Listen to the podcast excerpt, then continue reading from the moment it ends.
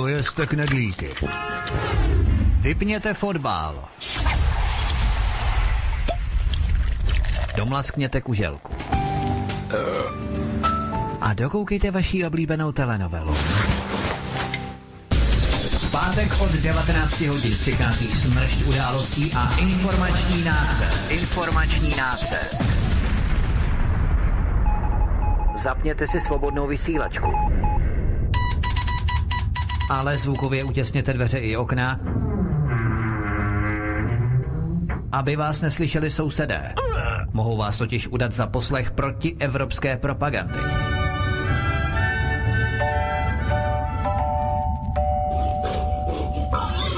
Proto buďte tuctoví, všední a hlavně nevybočujte. Pokud vystrčíte svobodně hlavu, nemilosrdně vás pokosí motorovou pilou. Demokracie? Ano, ale pouze ta po jejich.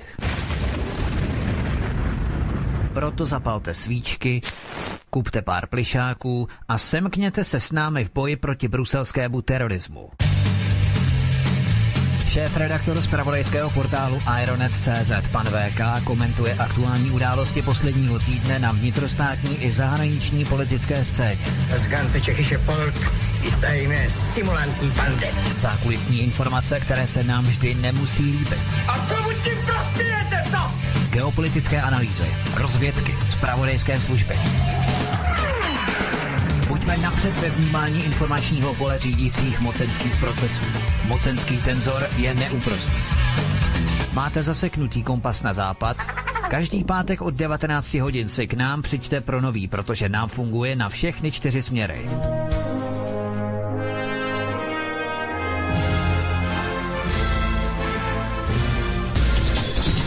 Každý pátek od 19 hodin šéf redaktor z pravodejského portálu Ironet.cz pan VK krátký myšvy jeho atamanského vyčínku vypumpuje náš tlak na 158%. Vedoucí kolotoče.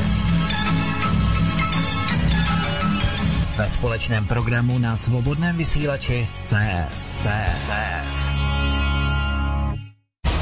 Svobodný vysílač CS. Svobodný vysílač CS. Rádio České Alter. Rádio České Alter. Alter. Hezký večer, eh, vážení posluchači a diváci tež, protože dnes máme vysílání z plzeňského studia eh, v rámci takové spolupráce mezi studiami eh, svobodného vysíleče.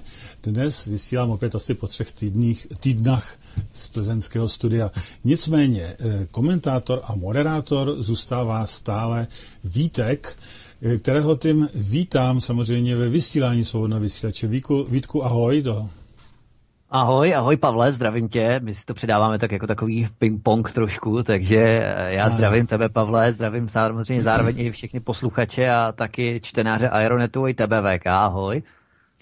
Já vás také zdravím všechny ve studiu a stejně tak opakuji, že zdravím i všechny posluchače svobodného vysílače CS a všechny čtenáře Aeronetu.cz.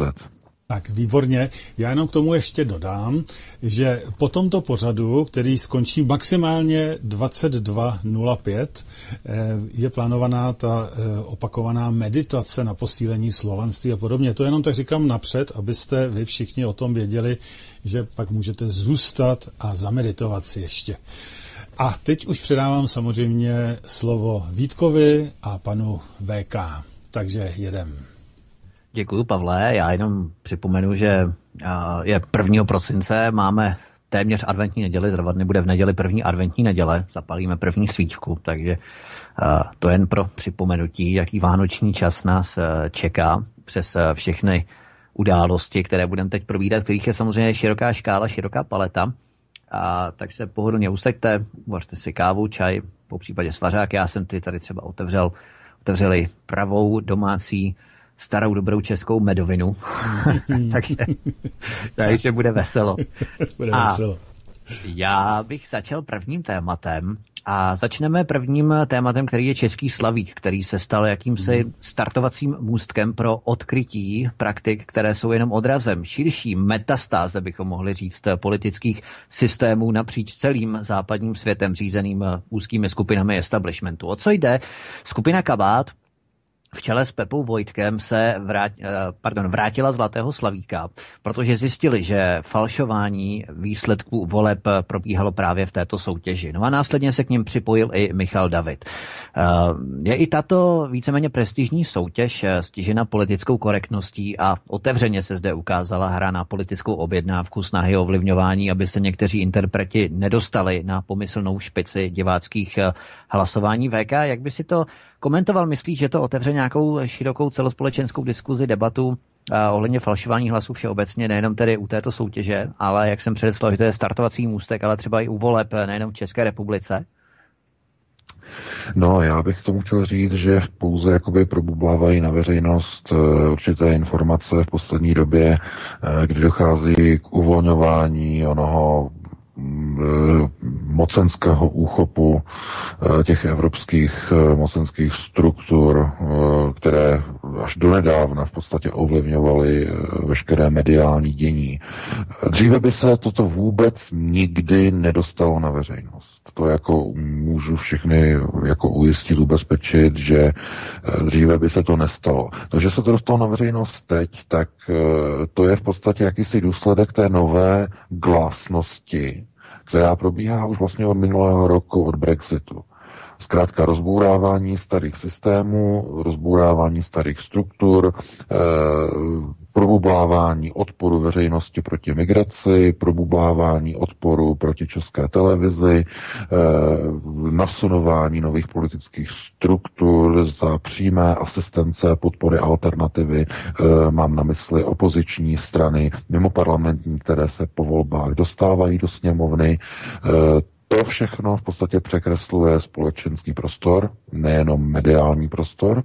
No a dochází k uvolňování onoho mocenského úchopu a e, to je proces, který probíhal i v Sovětském svazu v 80. letech, takzvaná glásnost, to znamená jasnost, e, prozře, e, dalo by se říct, jakoby e, průhlednost průhlednost toho, že společnost se otevírá, je, je otevřená a dříve, o čem se nehovořilo, tak najednou o tom se hovoří. Eh, jakoby docházelo k opakování eh, procesu glásnosti, když pro mnoho lidí to třeba vůbec nic neříká. Hlavně mladým lidem tohle to nic neříká. Nicméně, víte, máte nějakou soutěž, Eh, zpěváci soutěží a eh, v podstatě to nastavení je, že o tom nerozhoduje nějaká porota, ale rozhoduje o tom v podstatě fanoušek, který skrze, eh, mám pocit, zasílání telefonické SMSky, pomocí SMSky klasické, rozhoduje o tom, komu dá svůj hlas, a potom se to spočítá, vyhlás, vyhlásí se výsledek a e, rozdělí se různé ceny. Takhle by to mělo fungovat normálně. Jenže společnost nebo agentura Muzika Bohemika, e, která celou tuhletu akci má na starosti celého Slavíka, tak eh, zkrátka plní určitou mediální a politickou zakázku. Je naprosto nepřípustné, ještě stále v České republice je naprosto nepřípustné, aby vyhrála nebo převzala si cenu nějaká skupina, která neplní režimní zadání zadání režimu. A pokud mluvíme o zadání režimu, mluvíme o Evropské unii, mluvíme o Bruselu, mluvíme o multikulturním prostupování všech evropských zemí, celého národa. Zkrátka je e, politicky nekorektní dávat cenu komukoliv, kdo zpívá národní vlastenecké písničky. E, pokud si pustíte produkci e, skupiny Ortel, tak to je od zhora dolů, to jsou vlastenecké písně. Od zhora dolů.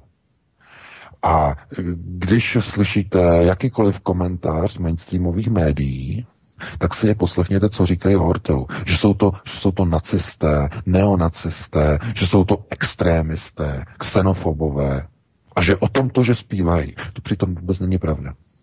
To říkají lidé, kteří nikdy od Ortelu vůbec, ale naprosto vůbec nic neslyšeli. Nejvíce se k tomu vyjadřují vždycky ti diskutéři, eh, ti najatí, pořád ti stejní diskutéři na různých těch serverech, jako je iDnes.cz a na novinkách. Tam všude najdete vždycky pod těmi stejnými jmény. To jsou ti provaření a placení diskutéři, kteří tam vždycky dávají ty své názory. Já nevím vůbec, kdo to je, ale to jsou ti náckové, Jo, takovéhle, takovéhle názory tam padají v těch diskuzích. Eh, no, Samozřejmě, že eh, spolu s tím, jak eh, se mění společnost, spolu s tím, jak se rozbourávají procesy původního globálního nastavení, mocenského nastavení v Evropě, no tak postupně se rozbourávají určité systémy iluzí, které dříve byly pevně ukotveny. To znamená iluze jakéhosi eh, eh, mediálního, eh, já říkám, neokonformismu, to znamená, eh, ano, tady je Eva Farná a to je výkvět českého umění. A tady máte, já nevím, máte pana Davida a to je třeba stará garda a ten také má své fanoušky. A tady Karel Gott, že jo, to je nedotknutelná osoba z mnoha, mnoha důvodů. A zkrátka to pole je dáno, stejně tak Lucie Bílá, prostě systém neokonformismu. A teď najednou do toho přijde skupina, která hraje na uh, sjezdech a na setkáních SPD, na různých akcích, na různých demonstracích proti migraci a najednou je problém. Není přece možné, takto se na to dívají organizátoři těchto soutěží pěveckých a řekněme hudebních, aby takováhle skupina získala nějakou cenu. A když už nějakou získá, tak přece nemůže vyhrát. Eh, a důvodem, nebo jakým způsobem to zdůvodnili, tak eh, muzika Bohemika to zdůvodnila tak, že odebrala Ortelu hlasy, eh, protože měli podezření, že to hlasování bylo organizované. A tohleto, když slyšel Pepa Vojtek, tak se strašně rozčilil, protože fanouškovství ve vztahu k jakékoliv kapele je přece organizované. Fankluby, co je to fanklub? Pepa Vojtek říkal, co je to fanklub? No to je organizovaná záležitost. Tam se lidé podporují a hacují a, a když jsou hlasovací soutěže, tak se lidé domlouvají, aby hlasovali co nejvíc a z nejvíce mobilů a aby poslali co nejvíce hlasů. Takže ano, to hlasování je organizované u každé skupiny. Čím větší skupina fanoušků, čím větší kapela, tak tím více je každé hlasování v každé soutěži je organizované. A to, že fanoušci skupiny Ortel dokázali organizovaně nazbírat, eh, pokud jsem se dobře díval, eh, protože Blesk uvedl ty skutečné nezmanipulované údaje, Ortel získal 70 tisíc hlasů a Kabátě jenom 36 tisíc. Takže Ortel vyhrál dvojnásobně. Jo? To je, to je hodně. No, ale Tohleto, když viděli lidé a zástupci e, muzika Bohemika, tak Ortelu více jak polovinu hlasů odmazali. Tohleto, když se dozvěděl Pepa Vojtek z kabátu, okamžitě řekl, vracíme cenu. Tohodle toho my se účastně nebudeme, bez ohledu na to, protože tohle to jsou fanoušci. To jsou fanoušci. A oni, když se dohodnou, že budou hodně posílat, tak to znamená, tak to znamená, že jejich fanoušci jsou takový srdcaři, že z vlastních peněz, z vlastní kapsy prostě zmobilizují prostě celý příbuzenstvo. Já nevím, mají tam prostě 4-5 telefonů v rodině a celá rodina hlasuje a příbuzní hlasují a e, přitom třeba kabáty, po, e, přitom teda Ortel poslouchá z té rodiny třeba jenom jeden člověk, jo, ale zmobilizuje prostě já nevím, celý příbuzenstvo a bratrance a tohle to všechno. E, takže to je fanouškovství. Jo. A to se nedá nějak, eh, nějakým způsobem říct. Mně připadá, aby někdo řekl třeba z té agentury, pořádací agentury, mně se zdá, že tady dostali moc hlasů. Tak jim ty hlasy odebereme. Já to řeknu úplně jinak. Kdyby těch 70 tisíc dostali kabáti a tímhle tím samým způsobem, To znamená, že by fanoušci se domluvili, že všichni příbuzní budou místo jednoho člověka posílat v pěti, v šesti, osmi, deseti SMS-kách. Tak kdyby mm, v té pozici byli kabáti a Ortel by byl na druhém místě, tak by se nedělo vůbec nic. Vůbec nic by se nedělo. E, muzika Bohemika by žádné hlasy kabátům nesebrala. Ani jeden. Protože tohle je na politickou objednávku. Není politicky schůdné, aby přece nějaký ortel, který hraje vlastenecké písničky, aby zvítězil. To není uh, přípustné. No a proto je důležité, aby soutěž Slavík okamžitě byla ukončena a skončila v České republice. Nebo aby byla odebrána té firmě. Já nevím, jestli na to mají nějaká autorská práva. Pokud ano, tak musí skončit ta soutěž, respektive jednotlivé kapely se musí přestat účastnit takové soutěže. A pokud budou chtít mít nějakou takovou soutěž, měli by si ji udělat sami. Jako třeba ve Spojených státech eh, je soukromá vlastně společnost, eh, která je komerční společnost Billboard, eh, která, kde mají své zástupce jednotliví členové kapel, to je největší organizace soukromá Billboard, a oni vybírají vždycky každý rok nejoblíbenější kapelu, že žebříček Billboard je jeden v podstatě největší na světě nebo nejznámější a e, tam je to všechno transparentní. Tam mají své zástupce, nemají tam žádné limitace, žádné limity, mají tam eh, komisi, je tam cena komise, je tam cena diváků, je tam cena posluchačů. Takže se vždycky udělují takhle, to oddělené. Nikdo ne, nekontroluje, jestli někdo neposílá moc hlasu nebo málo hlasu, nebo kolik. Eh, to je nezávislé, jo? to je tak správně udělané. Ale ne, v České republice, protože to má nějaká prostě agentura, která sleduje prostě politickou objednávku, která ještě ke všemu jakoby mm, využívá určité nostalgické konotace eh, z předlistopadu 89, eh, že jo, Zlatý Slavík. Takže eh, já se na to dívám asi z toho pohledu, že jenom se ukazuje, jakým způsobem zkrátka i ona mediální fronta je využívána pro politickou objednávku. To je ve školách, inkluze, multikulty, máte to v politice, nasunování migrantů, eh, povinné kvóty. No a nedají vám pokoj ani v médiích a dokonce ani v hudebních soutěžích.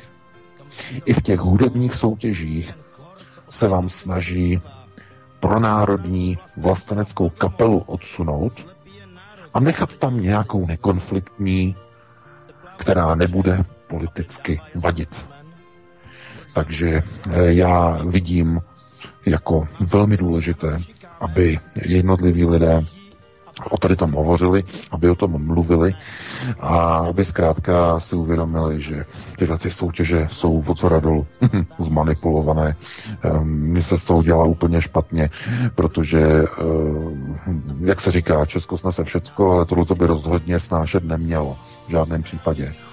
A e, pokud to takhle je, tak e, e, nevím, asi by bylo lepší, kdyby ty kapely se těchto soutěží vůbec ani nezúčastňovaly, aby odmítali se jich účastnit a aby se zamysleli nad o ním americkým modelem, to znamená vytvoření určité e, společné ratingové skupiny, e, která by měla nějaký charakter, já nevím, združení, spolku, to je jedno, kde by vlastně všechny uměle, umělecké skupiny a kapely, všechny, nejenom ty mainstreamové, ale i ty nezávislé, jako je Ortel, by měli své zástupce eh, v této, v této organizaci a společně by organizovali jednou za rok vyhlašování vítězů naprosto transparentně na internetu a ve dvou skupinách nebo ve dvou modelech, to znamená hlasování fanoušků a hlasování odborné komise poroty. To je jediné řešení.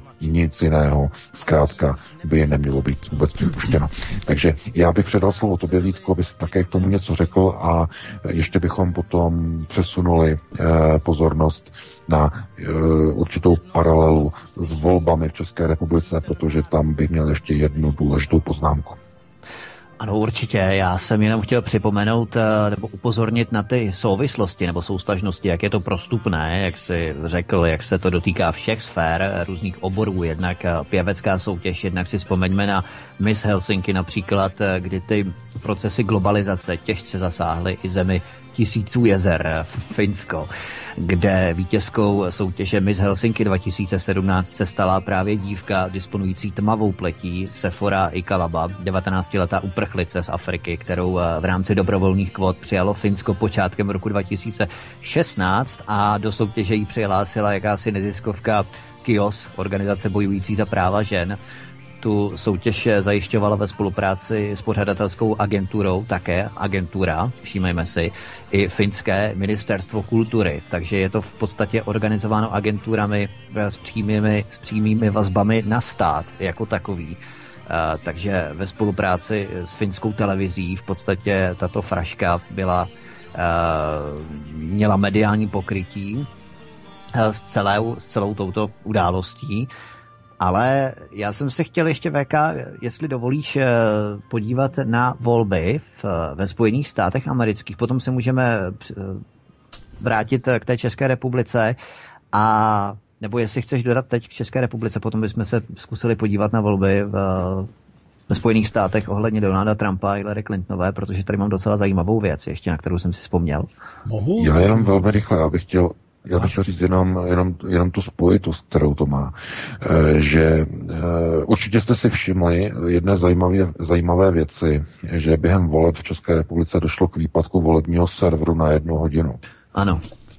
No, došlo k nainstalování hackerského skriptu, který potom přidával hlasy TOP 09, aby zkrátka e, ubrala hlasy, aby nebylo možné vytvořit e, dvojkoalici hnutí ano, protože e, tam by vlastně to potom dopadlo takovým způsobem, že hnutí ano by mělo místo, e, místo dnešních, e, myslím 77, že mají, by měli 84 a bez problému by udělali koalici s SPD anebo s jakoukoliv jinou stranou, která by měla okolo 20 poslanců, znamená KSČ, jakákoliv další strana. Takže tam bylo, tam, bylo, tam bylo jasné, k čemu to směřuje. Proto oni schodili server, nainstalovali speciální remitační skript e, a zmanipulovali volby. Mm. Je to, je, mimochodem, tohleto se zkrátka dělá, se to v různých banánových republikách. Eh, pokaždé, když vám spadne sčít, hlavní centrální sčítací server, tak je tam vždycky problém, eh, protože hm, víte, ten server je nastavený takovým způsobem, administrátor mě s tím seznamoval, eh, že ten je, hra, ten je chráněný za, za kaskádou firewallu, ten, ne, ten nejde položit, ten server. Jo, že by byl třeba přetížený, nejde, protože je za kaskádou schovaný. A to je práce zevnitř. To znamená, potřebujete pro člověka, oni tam používají prý CGI skripty, no to je klasika, takže oni položí server a oni potřebují dynamický skript nainstalovat, aby eh, příchozí hlas, hlas si dokázal eh, rovnoměrně, synchronně ubírat jedné straně a přidávat další protože tam musí být zajištěno, že žádný hlas nesmí jakoby přebývat nebo nesmí chybět. A vyžaduje to manipulaci s těmi e, příchozími dynamickými daty. Jo, ale to je práce někoho zevnitř, někdo, kdo má přístup za ten druhý firewall, který tam mají nastavený. Mají jeden, mají tam vnější, mají vnitřní firewall. E, no, víte, ale tohle je součást společenské hry, eh, kterou vy, když snažíte nějakým způsobem jakoby prorazit, tak musíte zkrátka eh, pracovat s těmi informace, informacemi, eh, které máte. A musíte se snažit eh, působit tam, kde máte jakýkoliv možný vliv to znamená alternativa, když vlastně chce pomoci nějakým způsobem e, překreslit e, některé některé politické procesy, tak podpoří nějakou stranu anebo pomůže vlastně skrze nějakou kauzu daným procesům, aby se pohli správným směrem. Bylo naprosto bezpečnostně nepřípustné, aby ČSSD získala více než 10%. To se nám povedlo. Dostali jsme ČSSD e, doslova no, hodně dolů, mohlo to být ještě méně, ale podařilo se nám je udržet někde na 7%, takže ta operace byla úspěšná. Eh, mohla být úspěšnější v tom, že TOP 09 by vypadla, jenže oni tam měli svoje lidi a eh, oni je museli dostat zpátky do parlamentu. No a to mě zajímá, VK, jak to, že ČSSD oni, tam oni, svoje lidi neměla. skončili se 4,78 setinami procenta TOP 09. 4,78, pokud by nezmanipulovali volby. Pokud by neschodili ten sčítací server. Ale mm, tohleto, já k tomu připravuju článek, ale ve správné chvíli, ve správný čas. Potřebujeme ještě více podkladů k tomu, bude to obrovská kauza, ale e, to, co je důležité, to, co je klíčové, je v tom, že e, přes některé procesy nedokážete volbama nic změnit. Tohle je jeden z těch příkladů. Tam nebylo dovoleno, aby Andrej Babiš mohl eh, eh, sestavit dvojkoalici. Oni ho stále totiž chtějí dostat do tepláku. Ta kauza tam pořád jede, to je to čapí hnízdo a oni ho chtějí kriminalizovat, Babiše. Oni ví, že to je zinscenovaná kauza, ale je v tom příliš mnoho. Jsou v tom protiruské sankce, vliv Spojených států v Praze na pražské ambasádě, vliv amerických operativců na americké ambasádě, vliv na politickou scénu američanů v Praze. O tohleto oni nechtějí přijít. A e, zkrátka Pabiš se příliš přiklonil k Miloši Zemanovi a příliš k té takzvané e, provýchodní alianci, kterou zastupuje a zastřešuje Miloš Zeman, na kterého oni nemohou. Oni se ho chtěli zbavit. Oni se chtěli zbavit e, Zemana když byl, když byl těsně zvolen, tam on ještě neměl podporu globalistů, tam on neměl jejich ochranu, ale e, po roce 2015 tam získal velmi silné spojence a od té doby oni na něho už nemůžou. Ale na koho můžou je Babiš. Na něho, protože on nemá zatím žádného velkého spojence, žádného ochránce, takže jeho se budou snažit eh, zbavit stejně jako nečase, to znamená nasáčkovat ho do tepláku, a e, nebo minimálně mu vyvolat tu hrozbu, aby mu to hrozilo a raději rezignoval výměnou za to, že po něm přestanou jít. I když to by bylo velmi nebezpečné, protože e, podívejte se na Petra Nečase, on to udělal, on rezignoval a stejně po něm jdou. Čtyři roky po celé kauze e, s kabelkou a s odposlechem hmm. své přítelkyně. Zkrátka, ta kauza stále jede, a chtějí ho zlikvidovat. A přitom už dávno v politice není, ale eh, tohleto zkrátka hrozí Andrej Babišovi a hraje se strašně o moc v Praze. Strašně moc. Tohle to je, uh, Babiš je sice persona non grata, to je pravda, jenže problém je v tom, že pokud by tam on nebyl, tak tam budou lidi, jako je pan, uh, no, ta, ty, ty zkrachovalé strany, eh, okolo těch 6%, eh, všichni ty stany a TOP 09, tak ty by byly u moci. Tyhle, ty. Tyhle ty všechny strany by tam byly u moci, to znamená obrovská uh, servilita vůči Spojeným státům, obrovské propojení. Uh, jenom se podívejte na ten poslední článek na Aeronetu, ty, ty vystoupení nebo ta vystoupení v poslanecké sněmovně, eh, ty historické výstupy, že eh, pan Redech Koten byl eh, zvolen v podstatě předsedou bezpečnostního výboru, to strašení Ruskem. No to je kvůli tomu, že oni mají samozřejmě o svých páníčků z ambasády, oni vědí, že to, k čemu došlo, je obrovský průser, protože v České republice byly nastartovány procesy jako ve Spojených státech, úplně stejné, jako s Trumpem, který taky byl nechtěný, také neměl vyhrát vyhrát. Babiš také neměl vyhrát. Um, takže uh, oni teď mají málo, oni nemají operační vliv a naopak upevňuje se vlastně pozice nebo měla by se upevnit pozice Andreje Babiše, SPD a KSČM, kteří svorně a společně hlasují v poslanecké sněmovně. Eh, což je dobré, to je, to je dobrý pozitivní signál. Ta koalice tam funguje, to je, to je vidět, to je důležité, velmi klíčové tohleto. Protože to pomůže prosadit mnohé procesy, které mm, my si slibujeme minimálně od SPD a od KSČM. To je, to je důležité, že takhle je to tam nastavené. Ovšem, pokud by opravdu Andrej Babiš nezvládl tu situaci s tím, s tím útokem, který je na něho prováděn, to znamená ta vymyšlená kauza Čapí hnízdo, tak by skutečně to mohlo ohrozit i další plány a další naděje na změny v České republice, které by měly vést k pro národnímu přeorientování celé země. No, ale tohle jsme se hodně odklonili, takže já bych jenom chtěl říct, že ta spojitost, že stejně tak, e, jak se fejkují různé hudební soutěže, tak se fejkují i volby. E, ne tolik třeba, jak by si někdo představoval, ale když je to těsně, těsně tak se schodí server a trošku se přidá někomu, nebo někomu se odebere a řekne se, je to ve jménu dobra. No a ve jménu dobra e, jsou dlážděny cesty do pekla. To víme všichni. A stejně tak, jak to e, vyplavalo teď v souvislosti s, e, s, s agenturou Muzika Bohemika, tak čachrování voleb dostane se na veřejnost i o tom, jak byly čachrovány určité, eh, určitá procenta hlasů v souvislosti s výpadkem hlasovacího servu v České republice, protože k něčemu podobnému došlo i v Rakousku, kde se naopak eh, manipulovalo s hlasovacími lístky a tam to naštěstí, nebo ono to vlastně nemělo žádný, žádný význam, protože volby tom dostali, eh, dopadly úplně, úplně zase stejně, jak by měly, takzvaně podle jejich eh, předpokladu. Ale tam to zrušil vrchní nebo nejvyšší soud, protože tam bylo manipulováno eh, s korespondenčními lístky při volbě prezidenta, takže tam potom byly zopakovány ty volby.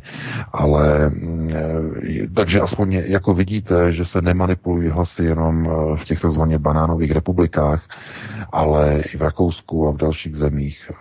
Lidé by si měli uvědomit, že nestačí jenom se spolehat na to, kolik kdo má procent, ale třeba se dívat i na tu politiku, která se dokáže prosazovat v rámci třeba daného eh, politického systému. To znamená, eh, jestli je někde nějaká koalice, která má určitý potenciál a pokud eh, ta koalice dokáže prosazovat společné zájmy nebo nějaké klíčové zájmy jednotlivých částí této koalice, tak je to skutečně velmi pozitivní. A já říkám, to je hlavně důležité, že úloha alternativy, protože teď jsem si přečetl zase diskuzi na Aeronetu, tam je to nějaký divoký, ale eh, já bych jako chtěl říct, že to je důležité. Eh, úloha alternativy je přece změna společenského nastavení. To se asi shodneme všichni, že chceme lidem otevírat oči. Eh, není to akademické, nebo alternativa by neměla být akademickým placháním o systémech řízení. Nemělo by to být o tom, co by bylo kdyby, ale naše práce by měla mít přímý odraz a, a efekt na změny v politice. V té nejvyšší, minimálně. To je moje práce, nebo tak jsem se vždycky snažil dělat náš server, aby ovlivnil lidi, jejich myšlení, jejich uvažování, tak, jak jdou k volbám, jak hlasují a zároveň, aby potom tito lidé se dostali do mocenských struktur, aby se dostali do poslanecké sněmovny a v budoucnu ještě daleko výše.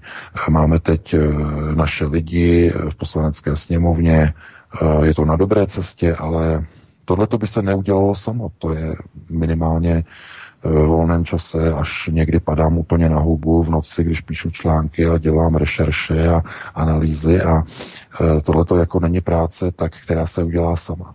Jo, to je určitě i ty výtku, víš, že když se dělají některé, já nevím, analýzy, tak to trvá velmi dlouho a je to práce, Eh, na konci, které vlastně nemusí být vůbec nic, nic z toho není, nikdo si toho nevšimne, ale eh, minimálně alternativa, pokud dělá svoji práci dobře, tak má efekt, má výsledek na změny v politickém nastavení. A minimálně tohleto, když se stane a vidíme, že třeba, nebo já vidím a potěší mě to, když slyším Tomia Okamuru, že převezme některý můj názor eh, z našeho vysílání, minimálně o Rakousku, o tom, že Rakousko také nemělo nebo nemá eh, žádné, žádné členství v NATO a nějak to bezpečnostně eh, nediskvalifikuje nebo neohrožuje. Eh, takže jsem rád, že třeba právě včera Tomio Okamura tady to moje přirovnání použil v té tiskové konferenci, ale jako je, je vidět, že ta zpětná vazba existuje, že skutečně eh, nejenom SPD, ale třeba i KSČM, víme, že poslanci KSČM, že eh, sledují informace na našem serveru, eh, že se zajímají o souvislosti, protože tam najdou informace, které nenajdou na mainstreamu. A pokud tady ta zpětná vazba zkrátka funguje, tak je to dobré. To, znamená, že potom naše práce má smysl a Eh, kdybychom to nedělali, nebo kdybychom nebyli v této pozici, tak zkrátka by se to nestalo. Uh, proto mi tam trošku jako třeba mrzí, že jsou třeba některé názory, že něco se udělá samo. Tohle to jsem slyšel zrovna od kolegy, říkal, že, že něco se prostě udělá samo. A já říkám, no dobře, tak uh, dáme ruce do klína, budeme se tvářit, že se to udělá samo. A on ne, říká, ne, ne, ne, to ne, jak to tak nemyslel, to nemyslel. Ale to je třeba vždycky, jako vždycky říkat, že když něco se dělá, zkrátka dáváte tomu nějaký volný čas, anebo veškerý volný čas, tak eh, je třeba taky umět eh, mít určitou reflexi k tomu, že když se dělá nějaká práce a práce je na dobrovolné bázi, a má výsledek, je tam nějaký jasný efekt, je tam vliv nebo minimálně výsledek voleb je pozitivní nebo dobře pozitivně nakročený, Eh, tak je tam nesporná zásluha a říkat, že něco by se udělalo samo nebo samovolně, eh, to asi není úplně na místě. Ale to eh, jsem teď odbočil úplně od jiného nebo do jiného tématu a vrátil bych slovo tobě, Vítku. Děkuju, VK. Já bych jenom doplnil právě tu záležitost ohledně Spojených států a podstatně bych rozšířil tu diskuzi ohledně falšování výsledků, nejen tady v soutěžích, ať to bylo v České republice, ať to bylo ve Finsku, ať je to kdekoliv jinde ale přesunul bych naší pozornost do Spojených států, konkrétně do voleb 2016, eh, do prezidentských voleb. Protože v pondělí 7. listopadu, tuším to bylo 2016, se v show Elena Jonese objevila vyšetřovatelka volebních podvodů Bev Harrisová ze serveru blackboxvoting.com nebo .org, pardon, a ta vysvětlila, jak funguje GEMS systém. Systém GEMS, respektive software falšující výsledky voleb, takzvané Fraction Magic, neboli kouzlo zlomků. A jedním z těch systémů, protože jedním z těch systémů, který zpracovává cirka 25% volebních hlasů ve Spojených státech, v celých Spojených státech, je takzvaný GEMS systém, čili Global Election Management System. Ano, Global Election and Management System. A ta Bev Harrisová s tím jejím týmem během testování toho systému GMS došli k závěru, že jeden hlas může být napočítán až 25krát a jiný zase může mít váhu jenom tisíciny hlasů, což efektivně konvertuje některé hlasy až na hodnotu nula ten systém zpracovává ty hlasy do zlomkových hodnot jakoby, a je zabudovaný v každé GEMS aplikaci. Takže může být používaný i hned, navíc beze zraků volebních pozorovatelů, to je důležité zmínit i když jsou ti volební pozorovatelé fyzicky přítomní v té volební místnosti a kontrolují počítačové monitory, jo? takže veškeré důkazy, že systém, ten systém GMS, pracoval s podvodními zlomkovými hodnotami, mohou být okamžitě odstraněny z hlavní databáze. Takže když zadáme systému, aby vyhledal ty zlomkové hodnoty zpětně, jakoby retrospektivně, tak žádné nenajde. Jednoduše ten systém zpracovává ty jednotlivé hlasy jako desetinné hodnoty na místo celých čísel. Ono je to velmi složité, ale ta geneze celého toho příběhu je také zajímavá, protože stopy tohoto rozparcelovávání hlasů vedou k osobě jménem Jeffrey W. Deem. Ten Jeffrey W. Deem má manželku, jehož manželka je majoritním akcionářem té společnosti nebo majoritním vlastníkem společnosti, která vyvinula ten systém GMS. A ten Jeffrey W. Dean seděl čtyři roky ve vězení za počítačové podvody a světe div se, po jeho propuštění z vězení mu byl dán detailní přístup k údajům o hlasování a obrovským vládním kontraktům na tisk a zpracování těch hlasovacích lístků. A samotná Bev Harrisová, ta vyšetřovatelka volebních podvodů, byla svědkyní pěti ukázek manipulování výsledků, kde byla použita skutečná hlasovací zařízení ta se potom, ty se potom taky objevily v novinách The Associated Press a The Washington Post ale doposud eh, byla ta její analýza systému GMS eh, považována za příliš nebezpečnou pro nějakou širší veřejnou diskuzi. No a média se potom radši uchylují k těm známým žabomyším válkám a špinění mezi oběma tábory kandidátů, přičemž tohle je velmi, velice zásadní. A jakým způsobem, že spravuje tento systém GMS až 25% hlasovacích lístků, volebních lístků ve celých Spojených státech amerických. A to se potom můžeme dohadovat, jakým způsobem ty volby skutečně probíhají. No samozřejmě, protože mm, ve Spojených státech eh, systém vlastně těch kandidátů je nastavený tak, že eh, je to určité, řekněme, kvórum kandidátů, kteří všichni zastupují stejné společné hodnoty.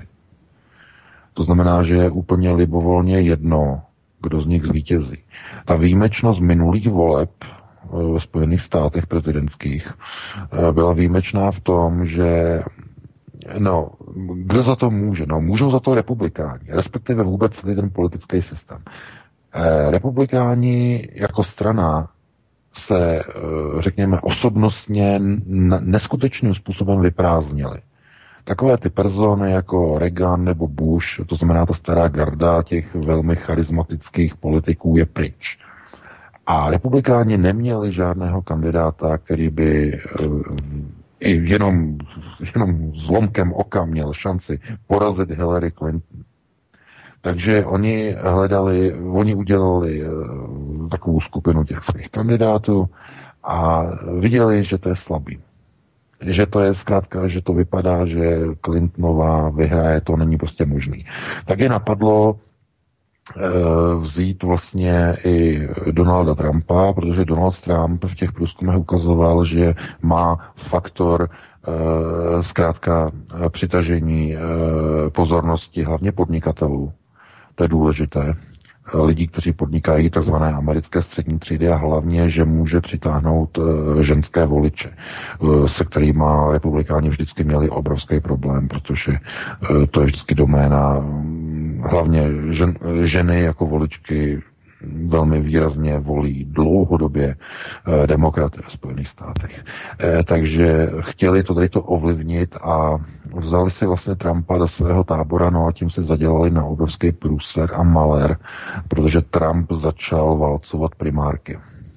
A oni, když zjistili, k čemu to vede, tak eh, jednotliví kandidáti mezi sebou, mm, ti zbývající republikáni se dali dohromady a začali vlastně s vedením eh, GOP, nebo eh, tomu říkají Great Old Party, stará, stará velká strana, mm-hmm. nebo přezdívka vlastně republikánů GOP, tak začali vlastně konspirovat proti Trumpovi, no a tím ho definitivně posílili. Ano. Protože okamžitě bylo jasné, že mají z něho strach, lidé to viděli a e, oni ho upozorňovali, začali pro ně, proti němu e, bojovat americká mainstreamová média. E, Trump se nemohl dostávat ani do televize, neustále ho na černo vykreslovali. A on se obrátil na americkou alternativu, on požádal o pomoc Alexe Jonese, obrátil se na Breitbart News eh, a eh, tyhle ty dva servery mu udělali vlastně veškerou volební kampaň. Eh, mimochodem Breitbart mu organizoval všechny meetingy. Všechny volební meetingy šly přes, přes Breitbart a přes Infowars, kde svolávali podporovatelé Donalda Trumpa.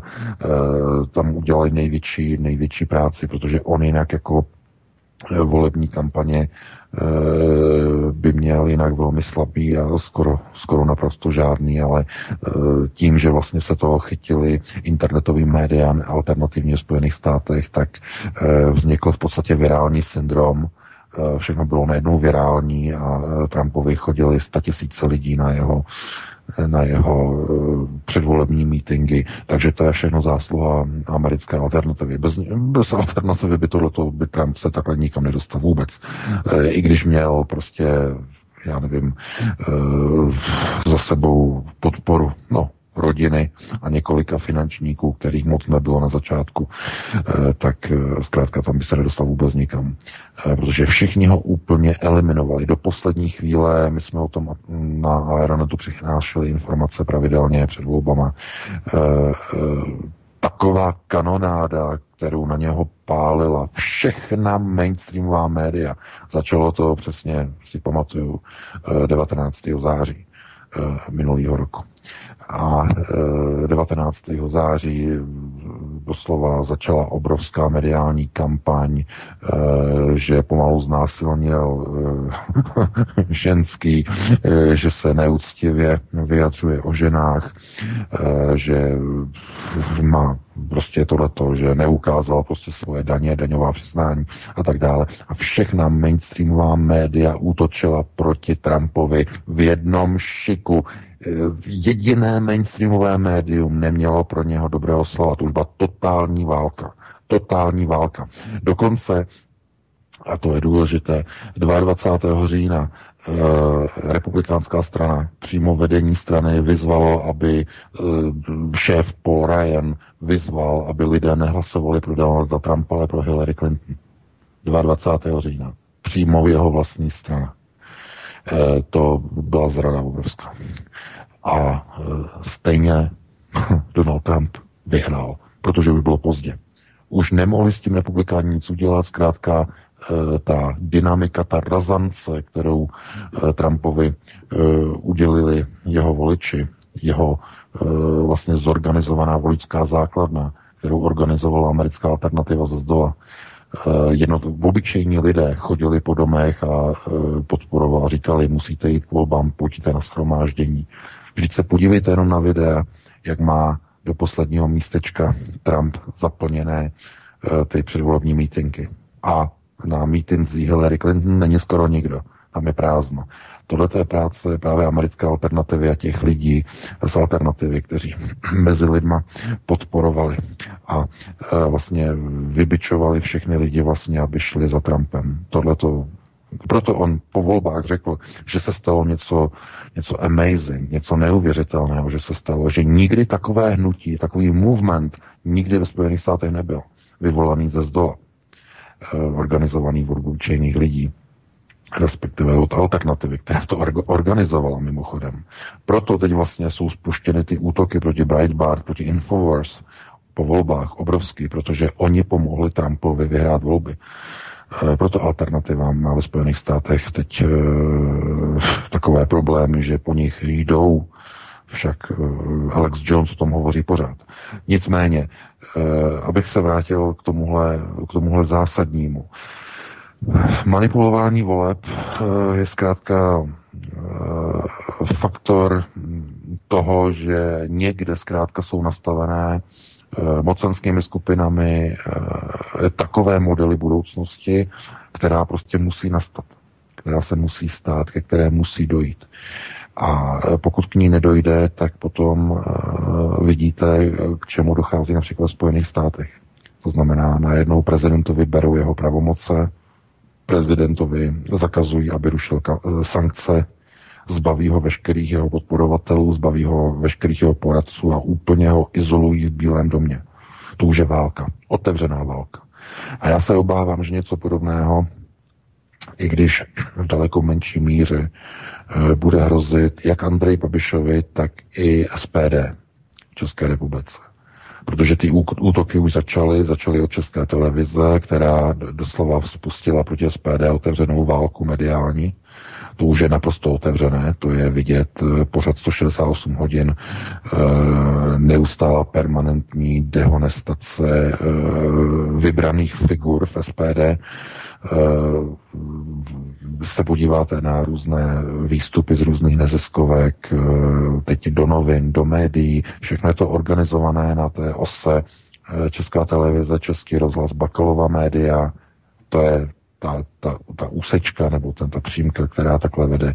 A ta vlastně definuje veškeré negativní informace a všechny ty lži a špínu a pomluvy na e, některé vybrané kandidáty a kandidáty SPD a lidi z SPD. Na některé konkrétní. Hlavně na prvním místě samozřejmě to měl Okamura, ale v poslední době hlavně e, pan Radek Koten a také pan Fiala.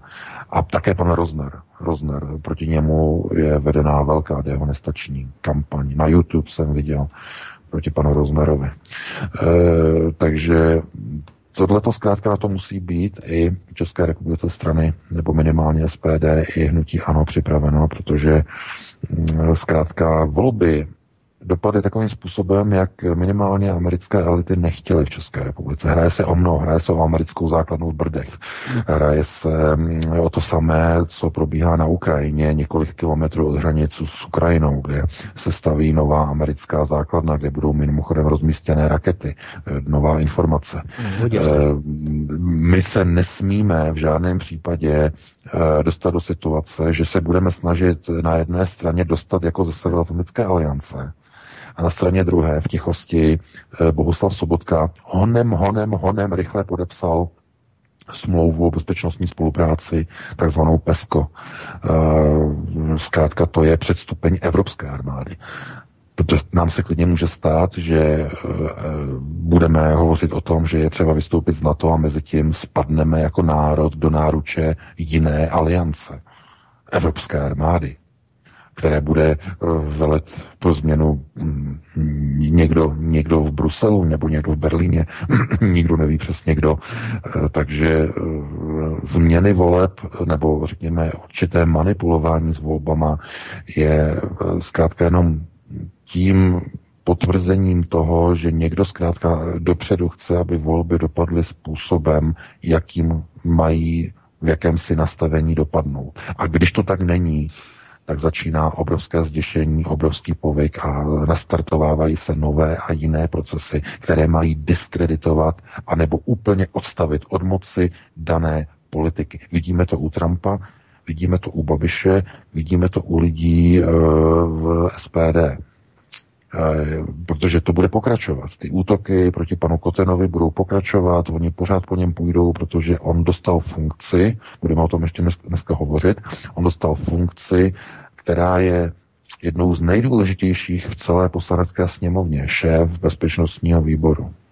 Tam prostě jsou všechny informace, všechny ty vlivy e, Severoatlantické aliance, všechny ty přesuny, všechny ty zahraniční mise, to fíkové listí pro podporu americké armády, zase další ti, eh, ti čeští žoldáci, eh, kteří jezdí do dalekých zemí, aby tam dělali, dělali jakýsi jaké se křoví americké armádě. Tohle to všechno teď vlastně SPD uvidí přímo zevnitř, jak to probíhá tom parlamentním výboru bezpečnostním. Tohle to všechno uvidí. A bude se to dostávat do alternativy. Bude se to dostávat informačně ven. No a e, my uvidíme a uslyšíme e, zkrátka věci, které do té doby byly úplně nevýdané a neslíchané. No to je dobře, protože e, jestliže tato kontrola bude přímo zevnitř, tak my budeme moci na to příslušným způsobem reagovat i mediálně. V nejbližším termínu bude nebo má být, e, myslím, v polovině ledna, teď po novém roce, nasunutí e, té české čtvrté brigády z Žadce pod velením Bundeswehru 10. brněné divize Wehrmachtu, ne, nebo no, bývalého Wehrmachtu, teď je to Bundeswehr. Uh, no, protože to je, to je, to, to je tradice, to je to, ta, přesně ta divize, pojmenovaná po původní divizi, uh, která spolupracovala i s SS Galicien, mimochodem, to byla vlastně jenom předvojná skupina, desátá, desátá obrněná divize, Eh, vlastně eh, působila eh, na Ukrajině na začátku války a za ní šla vlastně SS Galicien. No, tak, ale vyhlazovali a vyčišťovali a srovnávali se zemí na Ukrajině vesnice, židy házeli do vody a tak dále aby se utopili a, a prostě etnické čistky a tak dále, a tak dále. Takže tady ta desátá divize má vlastně velet čtvrté brigádě, ale v Pobaltí. Přímo na hranici doteku. Tam, kde mají američani ty rakety. A e, tohle to zkrátka e, bude teď pod kontrolou e, SPD a minimálně SPD by k tomu měla zaujmout nějaké stanovisko a říct, tohle to ne. Já si na to počkám, uvidíme, jakým způsobem se to tam bude v podstatě jakoby definovat, protože tam budou probíhat obrovské tlaky, mohutné tlaky. A e, já budu očekávat, že SPD tomuhle řekne jasné a zásadní ne. Otázkou je, jako třeba rozhodne sněmovna. Sněmovna to třeba je třeba přehlasuje. Je to možné, jo? To, je, to je zkrátka možný. Ale minimálně já očekávám, že SPD bude plnit tu pronárodní uh, pozici, tu pronárodní tezi a že nebude jenom se tak dívat, že čeští vojáci jdou zase s Američanama do Pobaltí zase destabilizovat bezpečnostní situaci s Ruskem. Namísto toho, aby ti vojáci nejenom ze 4. brigády z Žadce, ale i s tou svojí nadřazenou desátou brigádou německou šli raději do Jižní Evropy, do Itálie, chránit hranice před, před migrantama. Já si to dovedu představit, že SPD by řekla, tato brigáda půjde chránit hranice do Maďarska, nebo do Bulharska, nebo tam, kde zrovna hrozí migrační vlna tam, ať jde, tak brigáda chránit, chránit hranice. No, Ve domluvě a e, samozřejmě s danou zemí, po dohodě, pojďme, řekne se, pojďme tam chránit hranice místo, aby jsme šli do Ruska. Jak na to zareagují, zareagují američané? No tam bude oheň na střeše. To uvidíte. Oheň na střeše. Protože američané dělají všechno pro to, aby se všechna vojska nasunula na ruské hranice. Těm je úplně jedno, kolik migrantů bude v Evropě úplně jedno. Takže tohle to musí zaznívat i v poslanecké sněmovně, že americkým vojskům a NATO jsou úplně s odpuštěním uprdele migranti v Evropě a nelegální migrační vlna. NATO, Severoatlantické alianci, jde jenom o jedno jediné, o nasunutí vojsk evropských zemí na ruské hranice. O nic jiného. A tohle, když bude zaznívat v bezpečnostním výboru, já budu spokojený. Protože takhle zní pravda, takováhle jsou fakta a pokud tohle to tam bude zaznívat, tak je to dobře, protože my musíme vymést ten Augiášův chlév, který tam po těch 28 letech v poslanecké sněmovně narostl. Tam jsou kvanta hnoje, které je třeba vynosit ven. A e, úlohou alternativy je tento proces podpořit. Takže já jsem velice rád, že pan Koten byl zvolen eh, do pozice eh, předsedy bezpečnostního výboru. Jsem rád, že SPD i po těch eh, úvodních velmi rozporuplných konotacích a výrocích na různých českých televizích od různých politiků SPD, nemastných, neslaných, různých rozporuplných, se konečně dala dohromady, konečně táhnou za jeden pro vás, to se mi strašně moc líbí a doufám, že v tom budou pokračovat a že budou prosazovat to, co slibovali před volbama. Takže já bych ti předal slovo Vítku a posunuli bychom se na další téma. Já bych VK, protože už je 8 hodina, fakticky už eh, za necelou minutu, tak eh, bychom ukončili tuhle první část eh, Pavle a dali bychom písničku, potom bychom pokračovali. Já bych se chtěl ještě věnovat, mám tady připraveno ohledně falšování voleb v Německu, v Rakousku, a tak dále, tak to bychom dali po písničce s tím, ano. že jsme potom začali i George Sereše a jeho dokument, který byl uveřejněn. Ano, protože tu bylo hodně řeč o e, Slavíkovi a Ortelovi, tak já tam dám dvě jejich písničky, jestli je možné. Ta první bude celkem taková neznámá, jmenuje se Princezna Zemlejna a přesto to hraje Ortel a druhá bude Absurdistán, takže já to tam šoupnu a pak opět předám slovo vám. Svobodný vysílač Svobodný vysílač Rádio České Alter. Rádio České Alter. Alter. Ano, Vítku, máš slovo, můžete pokračovat dál. Děkuji, Pavle. My zdravíme po druhé všechny posluchače, čtenáře Aeronetu. A Podíváme se na další země, protože my jsme tu eh, během pauzy hovořili o tom, že v podstatě je dobré zdůraznit, eh, že to sfalšování výsledků se děje všude, nejenom tedy ohledně České republiky, nejenom tedy ohledně Slavíka, českých voleb, eh, výpadek toho volebního systému, těch stránek, serveru, respektive ve Finsku. Probrali jsme tu Spojené státy americké, ale přesuneme se do Německa, protože přesuneme se do neděle, konkrétně 14. května 2017 tento rok kde proběhly zemské volby v Německu v nejlidnatější spolkové zemi Severní Poríní Westfálsko, kde vyhráli křesťanští demokraté unionisté kancléřky Angely Merkelové s zde vedené Arminem Lašetem. CDU s 33% porazila SPD, sociální demokraty s 31% tuším, nebo s 32, 31 tak nějak. A dosavadní zelená koalice SPD, sociálních demokratů a zelených tam skončila v regionu v severním Porní Vesfálsku a, a AFD tady nazbírala pouhých 7,4% hlasů. Ale najednou se ukázalo, že ve volebním okresku ve městě Mönchengladbach AFD získala nula hlasů, což je velmi statisticky vyloučené. To je prakticky nemožné. No a proto bylo následně provedeno tedy přepočítání a vyšlo najevo, že AFD najednou rázem nazbírala 37 hlasů v daném okrsku pouze, jo? což bylo 8,6% v daném okrsku.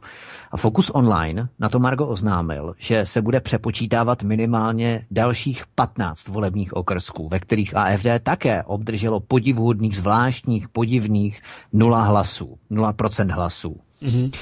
A je to něco podobného jako v městě Brémy, hanzovní městečko Brémy je v Německu, kde studenti sedící ve volebních komisích vzájemně ubírali AFD hlasy, což se týkalo třetiny, dokonce třetiny volebních okresků v Brémách, v Hanzovním městečku Brémy. Já jsem mluvil s Petrem Bystroněm, on říkal, že když bylo provedeno přepočítání těch hlasů, tak to vyšlo dokonce tak, že AFD získala v tom regionu, v městečku Brémách, o jednoho poslance více v daném parlamentu, lokálním regionálním parlamentu. Jo. Takže to se děje a je to naprosto běžné a musíme to odhalovat, musíme o tom hovořit. Potom se dostaneme ještě k Rakousku. Tam je to taky velmi zajímavé, kde Hofer vedl o 140 tisíc hlasů a najednou přišlo pouhých 31 pardon, 32 tisíc hlasů ze zahraničí korespondenčních lístků a najednou z těch 140 hlasů, 140 tisíc hlasů, kde vyhrál, kde vedl Hofer ještě před přijetím těch korespondenčních lístků, tak najednou on o 31 tisíc hlasů prohrál. A když vlastně spočítáme těch 140 tisíc hlasů, kdy prohrával v neděli v 18 hodin, ještě při zavření volebních lístků, ale ještě před začátkem započítávání těch korespondenčních hlasů, tak on vedl o 140 tisíc hlasů, takže i kdyby všichni Rakušané ze zahraničí volili hmm. Hofera, tak by to mohlo být 140 tisíc minus 32 tisíc, takže nějakých 108 tisíc hlasů, ale pořád by s přehledem hmm, vedl, hmm, ale on hmm. vyhrál nad Fandar Belanem. No, to, to, znamená, je stejný, to je stejný, jako to bylo tady u nás, jo, samozřejmě s těma TOP 09. No. Všude. A jak budou ty volby u nás, prezidentské volby, dávajme si na to pozor, že tady budou takové tendence, že se bude říkat, že to je sfalšované a tak dále. Budou volby v Rusku, ono se všude říká u nás, že v Rusku se podvádí, já, já nevím, jo, jaká je tam autokracie, 18. března, myslím, že budou ty volby příští rok v Rusku takže všude tvrdí, rádo se tvrdí v mainstreamu, v korporátních médiích, jakým způsobem se podvádí v Rusku, ale tady se to děje prostě v každé zemi. To Rakousko, na to se můžeme ještě podrobněji potom podívat. Ano. Já bych chtěl VK slovo. Eh, moment, moment, momentík, jenom, momentík eh, jestli mohu. Se. Mohu, ano, mohu ještě VK. Takhle, mě tady totiž přišla taková jedna velmi rozčílená zpráva. Ono už to reaguje i na můj pořad, který jsem měl ve čtvrtek, a kde jsem právě eh, mluvil o tom výpadku toho serveru statistického při těch volbách. A teď mi tady píše, že opět lžu, jako když tiskne, že to vůbec není pravda, že ten server eh, VK eh, prý byl odstaven nebo byl vypadnut na začátku vůbec toho sčítání, nikoliv na konci jak eh, když, když se dostítávali... No není to jedno, protože na konci se dostčítávaly právě ty hlasy těch TOP 09 a těch stanů ne, a těch ODS. To mohli a... instalovat na začátku ten skript, že? Nemohli, museli To nemá, to tam, tam jde o nainstalování toho skriptu. No. no, no, no. no. no ale jo, já... se musí nainstalovat ten CGI skript a ten musí vlastně přepočítávat od samotného počátku, musí přepočítávat hlasy, aby tam nedošlo k té, oni tomu říkají, uh, no, to slovo, eh, interference započtených hlasů. Aha, interference. Jasně, interference. To znamená, eh, jestliže, jestliže jedna strana eh, v daném okresku je započítáno tolik hlasů, tak jedna strana nemůže dostat víc hlasů. Jasně. než je celkových započtených hlasů. Jo? To je ta interference. Jasně. Takže tohleto, tohleto ne, to, ten skript zkrátka... Ne, jedno, víš, o co jde? Víš, o co jde? Já jsem se tam nebo skript, tak eh, zkrátka tohle to jsou lidé, kteří poslouchají alternativu a snaží se, jakým se snaží v podstatě prosazovat nebo ochraňovat režim, ochraňovat systém. Jenom, eh, jenom jestli mohu. Svoji pozici, protože to míří do jejich řád. Je to třeba člověk, který pracuje na ČSU, Jo, ano, to je člověk, který pracuje pro ČSSD, vyloženě tady ten, který píše má strach, že zkrátka po něm půjdou kontrolní no. Jo, to je, to je normální, protože dosah tady těch mediálních pořadů, které děláme, je poměrně značný a poslouchá nás vnitro a bezpečnostní ano. složky. Oni okamžitě kontaktují a vidí, že jim jdeme po krku. Ano, jdeme jim po krku, protože víme, co se děje. A chci právě navázat na jednu věc. Dneska kandidát na prezidenta pan Drahoš mm-hmm. měl soukromou schůzku s premiérem České republiky ještě pořád, nebo e, takhle, on už je sice v demisi, jo, e, s Bohuslavem Sobotkou a varoval ho, pan Drahoš varoval Bohuslava Sobotku, je to přímo na mainstreamu, dámy a pánové, podívejte se na to, je to na iDnes.cz, varoval Bohuslava Sobotku, že má informace, že volby prezidenta budou zmanipulované. Má prý o tom informace. Mm-hmm. Takže se bojí, že nedostane dostatek hlasů. Takže máme potvrzení přímo od prezidentského kandidáta. A on, jako člověk, který pracuje eh, v, v Akademii věd, tak má k systémům, minimálně ke kybernetickým uh, systémům a informačním systémům velmi blízko, ví, jak to funguje. Je to přímo, podívejte se, je to, je to přímo, uh, přímo na médiích, že měl schůzku dneska s Bouslavem Sobotkou, kde ho upozorňoval na to, že budou ovlivněné volby. Jak to může vědět? No jasně. Pokud by o tom teda neměl informace přímo zevnitř. Chápete? Takže jedna a jedna všechno to zapadá do sebe. Mě to vůbec nepřekvapuje, ty informace, které tady říkáš, Vítku, všechno to zapadá do sebe o tom, o čem teď mluvíme. Mm, no, je to, je to zkrátka tak. A e, to je, to je tragédie. Protože, jestli, protože to nejsou jenom slavíci, kteří se e, gleichschaltují, ale jsou to, jsou to i volby, které se upravují. Výsledky voleb se upravují tak, jak je potřeba. A právě kvůli tomu tady musí být alternativa, musí, musí to odkryvat tyhle ty informace, protože nic se neudělá samo. Já to opakuju, nic, opravdu, opravdu nic, to je to je to, že my tady máme tady ty pořady, že o tom hovoříme. Potom naše pořady si přehrávají e, operátoři BIS, mají z toho svodky, vždycky jednou za čtvrt roku říkají o tom, co se říká na alternativě, do čeho my vrtáme, e, že jsme bezpečnostní hrozba. No proč? Protože zvedáme ten koberec a ukazujeme lidem, jaká svinstva pod tím kobercem mocenským jsou nafoukána a jsou tam zakopána pod tím kobercem. My to nadzvedáváme, ten systémový koberec. No to je nebezpečná záležitost, protože protože spod toho koberce na vás může leco vyskočit a sežere vám to nohu, ruku nebo hlavu. Jo, obrazně řečeno. To je nebezpečná práce, kterou děláme, mimochodem. Ale pokud se snažíme něco změnit, tak eh, zkrátka nasazujeme vlastní krk a to není práce, která by se udělala sama. Proti tomu já se ohrazuju. Eh, teď zase reaguju na tu diskuzi, která je na Aeronetu to opravdu, eh, pokud bychom, pokud bychom to postavili do roviny, že když budeme mít založené ruce, udělá se něco samo, tak by nemělo smysl vůbec se o něco snažit, protože bychom tady už dávno měli eh, v celé Evropě mm, úplně jiný systém a nic by nemělo smysl a, a v České republice by byly dávno schválené kvóty a nebyly by žádné demonstrace a nebyla by žádná SPD a všichni by u moci by byla ještě eh, možná ODS eh, se všema topolánkama a dalšíma. Nic by se nezměnilo. To, že lidé se snaží něco změnit, to, že se aktivizují, tak tím nastává změna tím probíhají procesy změny. Eh, takže to je důležité a já bych eh, ti jenom Vítku vrátil zase slovo, ale je to zajímavé, s tím Drahošem to si podívejte, to je na Idnesu, eh, že měl setkání se Sobotkou přímo v Kramářově vile a že mu říkal, že se obává, že má důvodné podezření, že budou ovlivněny volby prezidenta v České republice, takže má to přímo od někoho, od zdroje, no mě to nepřekvapuje. Je, to je něco podobného, jako Kalousek tvrdil po čerstvě po německých volbách, že je sfalšovali taky Rusové. On to věděl ještě víc než ti Němci samotní, kteří ani to netvrdili a najednou nějaký nalejláma Kalousek, Kalousek to věděl, že německé volby z AFD 12,6% sfalšovali ruští hekři, ale já bych VK ještě se zaměřil na toho Drahoše, protože za chvíli budou prezidentské volby, první kolo 12. 13. leden.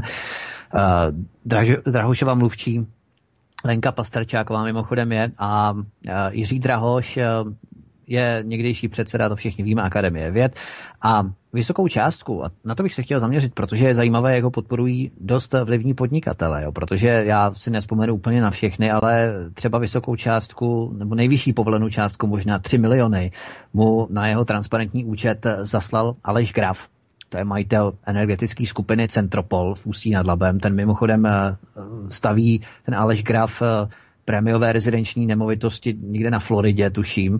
Dál Jiřího Drahoše podporuje skupina dalších eh, velmi vlivných podnikatelů, například majitel MOL.cz, to je druhý hmm. největší obchod v České republice, Jakub Haverland, nebo jeden z majitelů developerské společnosti Finep, Pavel Reichert, který Drahošovi, myslím, v říjnu 2017 teď zaslal 100 tisíc korun, nebo taky Tomáš Krsek, největší akcionář myslím, že je předseda představenstva společnosti Škoda Transportation, Transportation.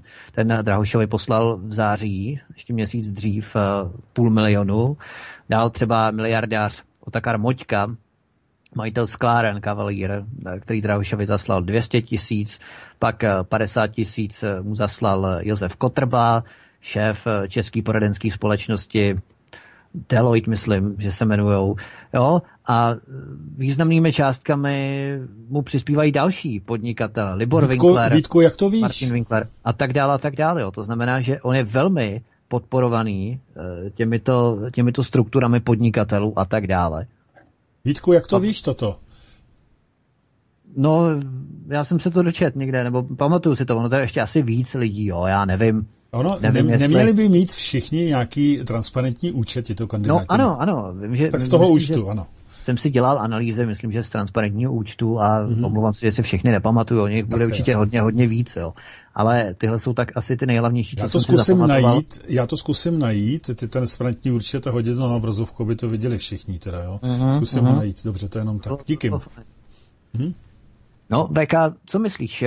Je právě nebezpečí plynoucí právě z podpory podnikatelů nějakého prezidenta, který v podstatě musí samozřejmě generovat nějaké finanční prostředky, aby mohl dělat prezidentskou kampaň, ale kdo by toho prezidenta měl podporovat a kdo by ho naopak, kdo by ho naopak podporovat neměl? No, tyhle, ty, tyhle, tyhle ty podnikatelé vidí, že když přispějí prezidentovi na kampaň, tak bude on je potom vezme do hmm. prezidentské delegace na mezinárodní, mezistátní návštěvy. Jasně. Kde jim pomůže dohodit další obchody. To je, to je jediný hlavní cíl všech těch podnikatelů. Mimochodem teď, jak byli v Moskvě s, s Milošem Zemanem podnikatelé, tak eh, co jsem se díval, většina z nich mu přispěla v roce 2013 uh-huh. na, eh, na jeho kampaň. To je normální, to oni chtějí se dostat do podvědomí e, potenciálního prezidenta a když vyhraje, tak e, zkrátka ví, že budou mít potom místo v tom vládním speciálu a budou moci například Eh, expandovat svůj biznis. MOL.cz třeba bude moci expandovat v Číně, i když, no to si nedovedu představit, tam mají daleko větší ryby, ale, ale třeba v jiných zemích jo, můžou expandovat a, a určitě i uh, pan Graf určitě taky uh, má třeba zájem, já nevím, o různé trhy v jiných dalších zemích, takže vidí to jako, jako podnikatelskou příležitost. Navíc oni chtějí se jako na sebe upozornit, že tady jsou, jo. To je takové to všimné, někdo někomu pošle 3 miliony, Jasně. podnikatel, který má obrat za rok 1,8 miliardy, pošle všimné 3 miliony, pane prezidente, nebo pane budoucí prezidente, nebo pane rádoby prezidente, tady vám něco posílám, to je maximum, které mi dovoluje zákon, takové všimné. E, Samozřejmě jsou to částky, které jsou úplně astronomické pro normálního člověka, ale zkrátka v té prezidentské kampani jde o to, že uh, tito lidé skrze všimné se snaží upozornit na sebe pana prezidenta budoucího uh, daného. Je to úplně stejné, jako když se podíváte na transparent Miloše Zemana, nebo se podíváte na transparent jakéhokoliv jiného kandidáta, tak tam uvidíte lidi, eh, kteří zase třeba napojení budou mít úplně nějaké jiné a budete si moci od toho odvodit různé souvislosti, že třeba, nevím, eh, firmy jako, já nevím, pan pan Kellner nebo takhle, tak mají třeba napojení na východ, na východní trhy, už historicky z 90. let, tak je logické, že najdete třeba nějaké příspěvky třeba tam u těch politiků, kteří mají to pro východní nastavení daleko, daleko lepší než třeba zrovna pan Drahoš, který je silně pro západně nastavený, pro bruselsky, pro migračně, e, takže mě to nepřekvapuje. Já bych jenom doplnil, možná to se příliš často o tom nemluví, že v parlamentních volbách 20. 21. října tento rok 2017 občanské demokratická strana nebo občanské demokratické straně zaslal 3 miliony korun, 3 miliony korun, taky maximálně zákonem povolená částka, Ivo Valenta, vládce českého hazardu a vlastník eh, parlamentních listů, a jeho bratr Miroslav Valenta eh, ODSC poslal ve třech splátkách další milion korun. Takže uvidíme, jakým způsobem bude ODS potírat hazard. Jo. Takže to jsou takové ty eh, věci, věci ODSK, to je známá strana nejvíce ze všech stran proslula svými kmotry a lobbysty už od dob Tomáše Halíka, eh, pardon, eh, ne Halíka, ale eh, jak se jmenoval? Dalík, Dalík. Dalík, no to je podobný. Ono to je podobný, já si to letu, samozřejmě, Dalík, eh, Marek Dalík. Jo, na Mirka Topolánka, eh, na mátkou třeba Tomáš Hrdlička, pražský lobbysta napojený na ODS, eh, který má úzké vazby na Ivana Langra, třeba Eh, šéfa Cevro institutu mimochodem teď a taky naradím a, eh, a dál. A Ivoritik třeba, mm-hmm. jo, ten se vyskytl v telefonickém spojení s Janou Naďovou, jeho, v jeho vinohradský vile mimochodem, to si tak pamatuju, se mimochodem našlo 120 až 150 milionů korun v hotovosti a několik desítek kilogramů zlata. jo, a to jsou prostě borci, tak třeba Jiří Toman a Roman Janoušek, kterého znala ještě jako členka Pražské městské rady, nyní čestná jako v ODSC Alexandra Udženia, protože měli hmm. vedle sebe v Chorvatsku vily a Alexandra Udženia s Romanem Janouškem trávili taky dovolenou na lodi.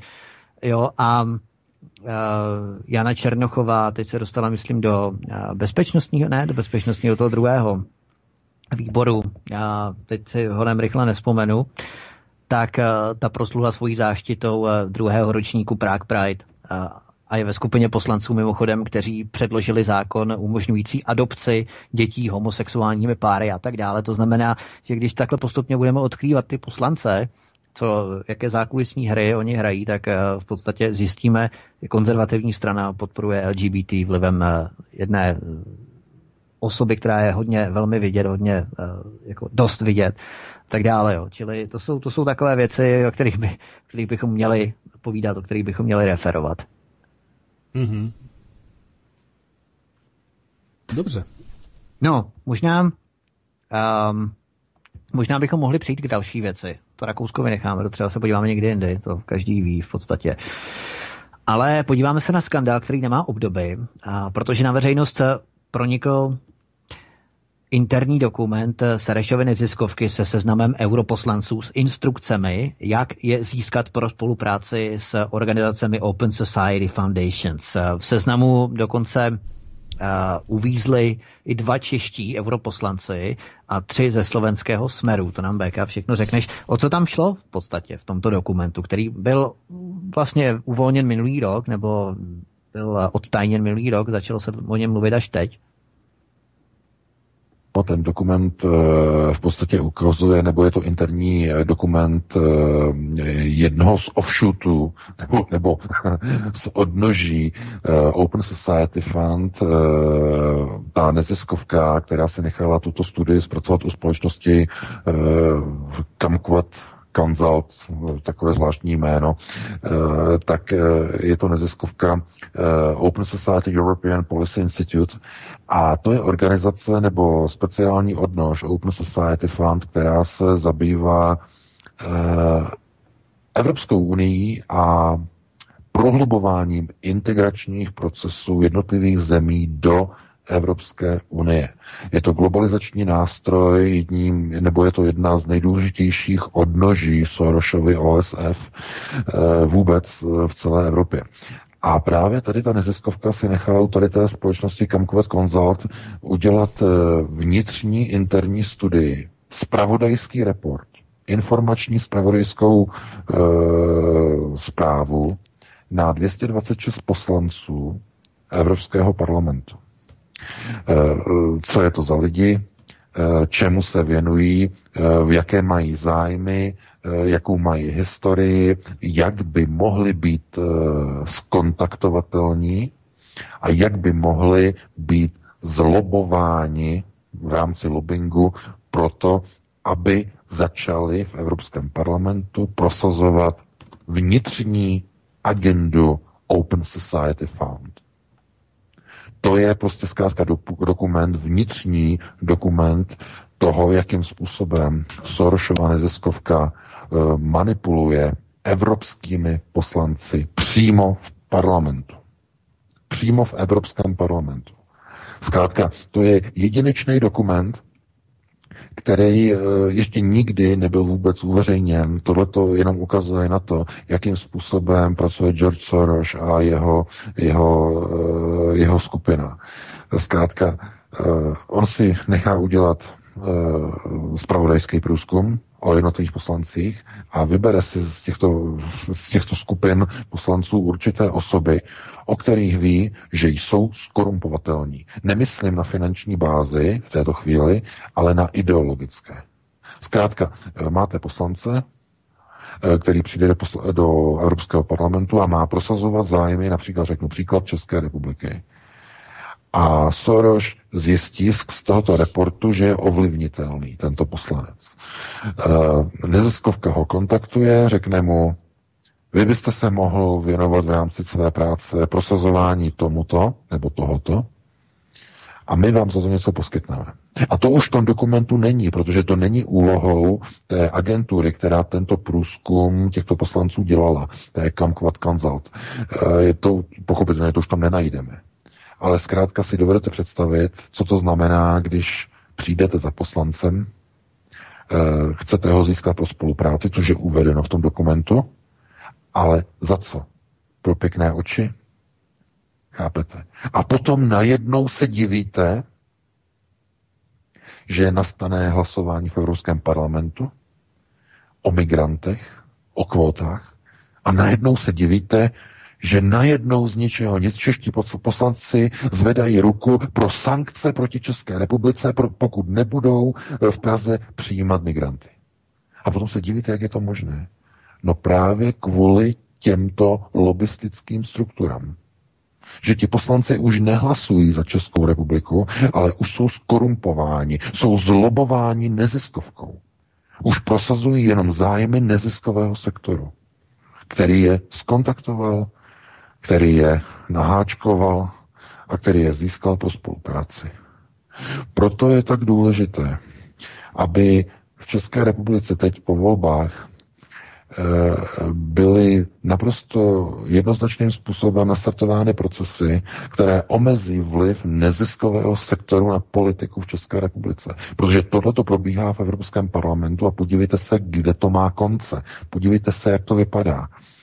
A pokud tomuto nebude učiněna přítrž, tak zkrátka bude docházet, docházet k tomu, že krátce po volbách a teď nemluvíme o volbách do Evropského parlamentu, mluvíme o volbách do České poslanecké sněmovny, že po několika měsících najednou voliči zjistí, že jejich poslanci najednou začínají obracet.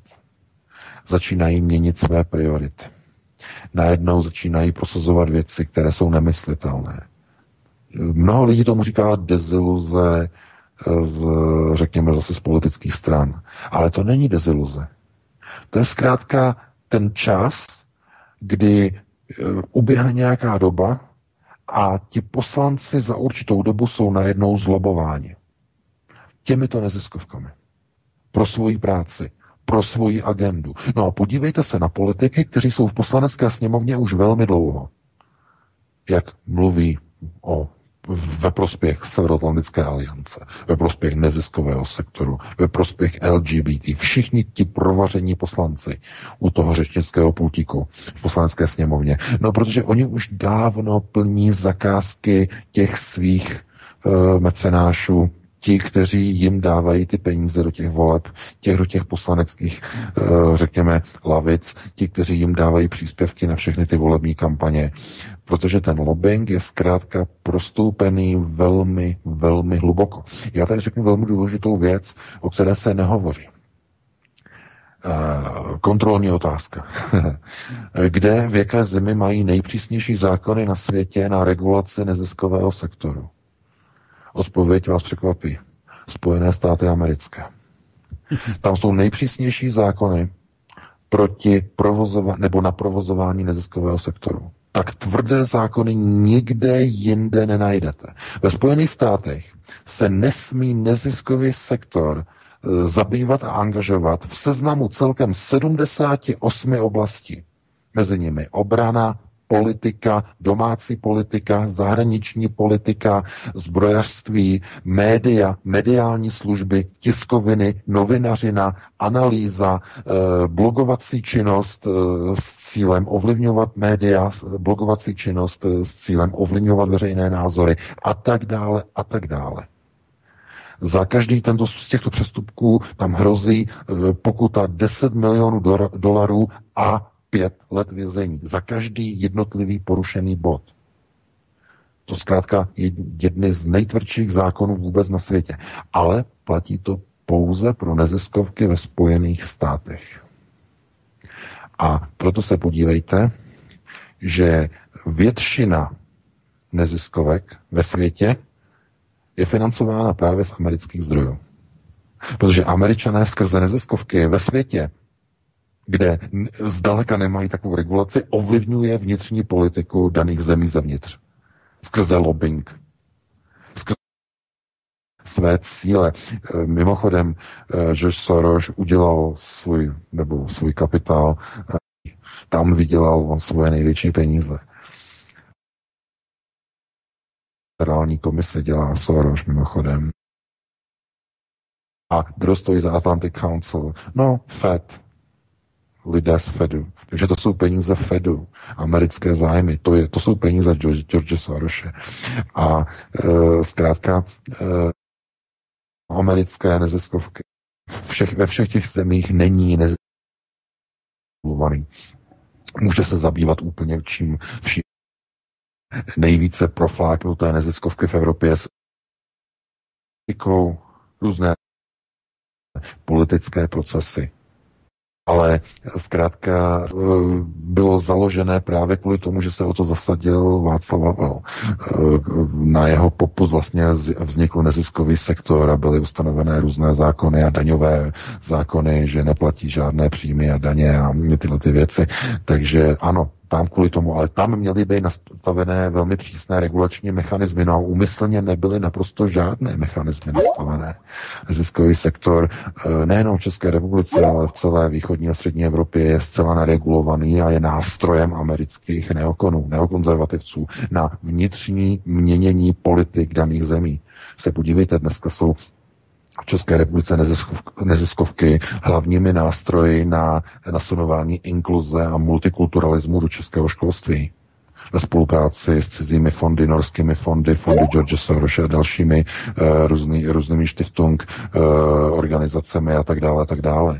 Uh, takže uh, tohleto zkrátka je třeba teď po volbách v České republice eh, oslovit, je třeba eh, začít eh, připravovat různé změny zákonů takovým způsobem, aby byl neziskový sektor v České republice maximálně a co nejtvrdším způsobem regulovaný.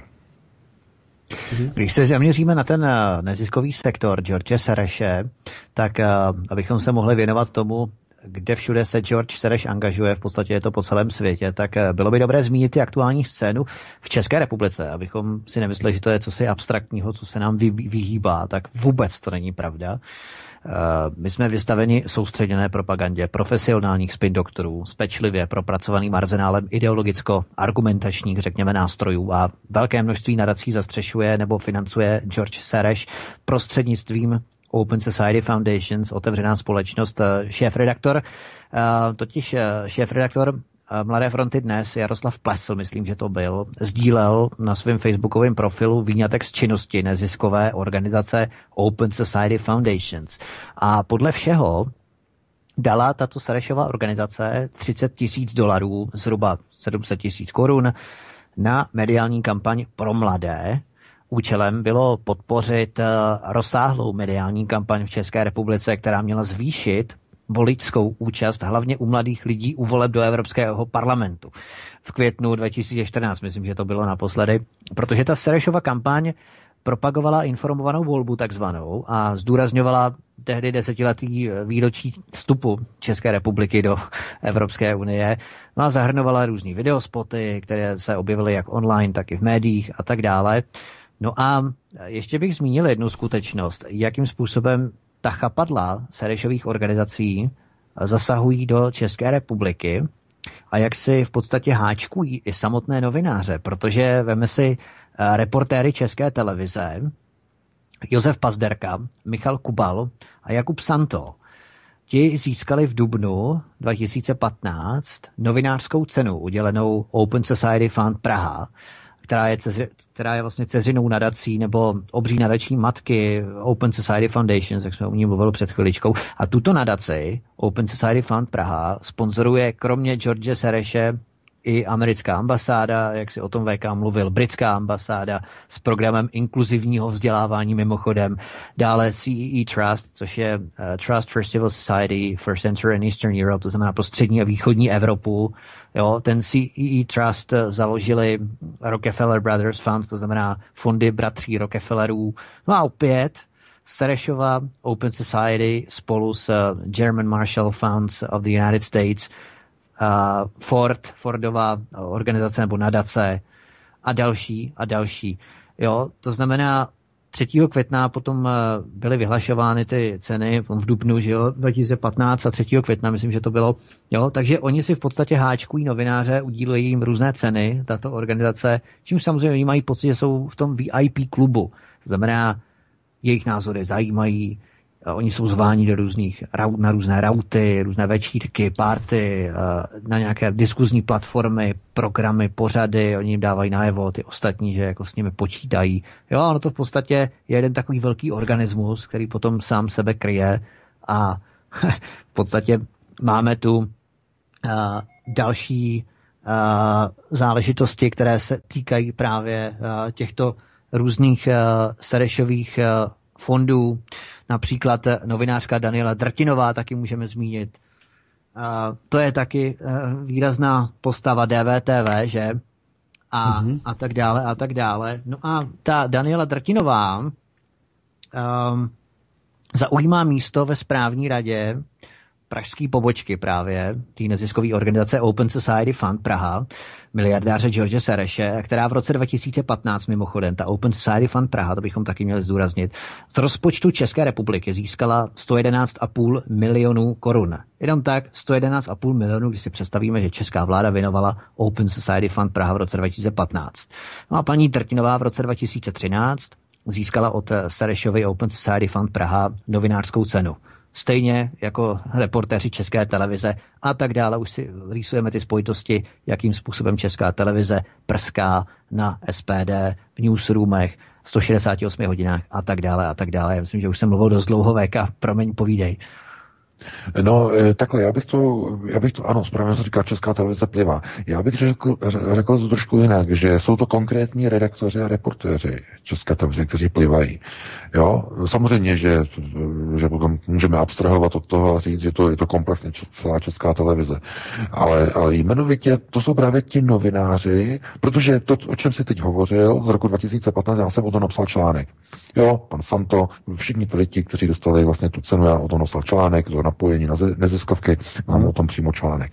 A takže jsem s tím seznámený, vím, vím o čem to je. Jo, jo, no, jo. ale to je, pra, to je právě přesně ono, že ten vliv toho neziskového sektoru pochází, jak se jmenoval, protože já to tam také vypisoval do toho článku, eh, všechny tady ty fondy ze Spojených států, eh, všechny ty Rockefellery a Fordy. Mm. A to je přesně ono. Oni, uh, oni nemůžou, a, a, ani nechtějí, nebo proč by to dělali, oni kontrolují. No jasně, protože mají prachy, že jo, dělali, jo.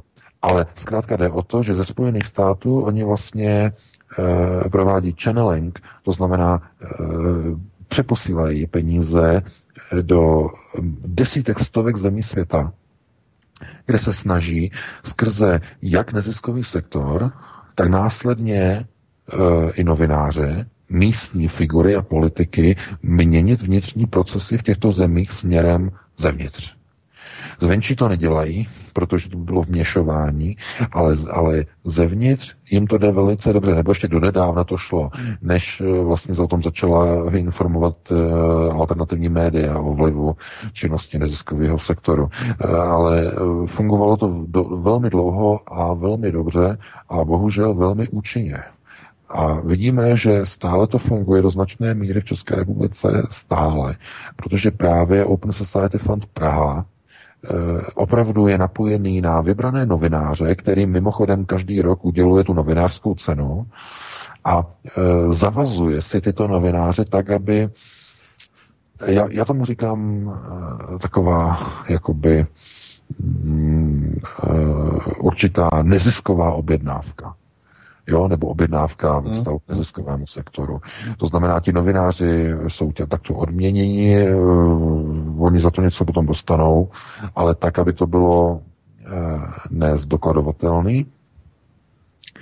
Většinou se jedná o služební cestu někam do zahraničí. Jo, v dohledné době. To, to znamená, se potom patřičně výjímá v jejich CV, že?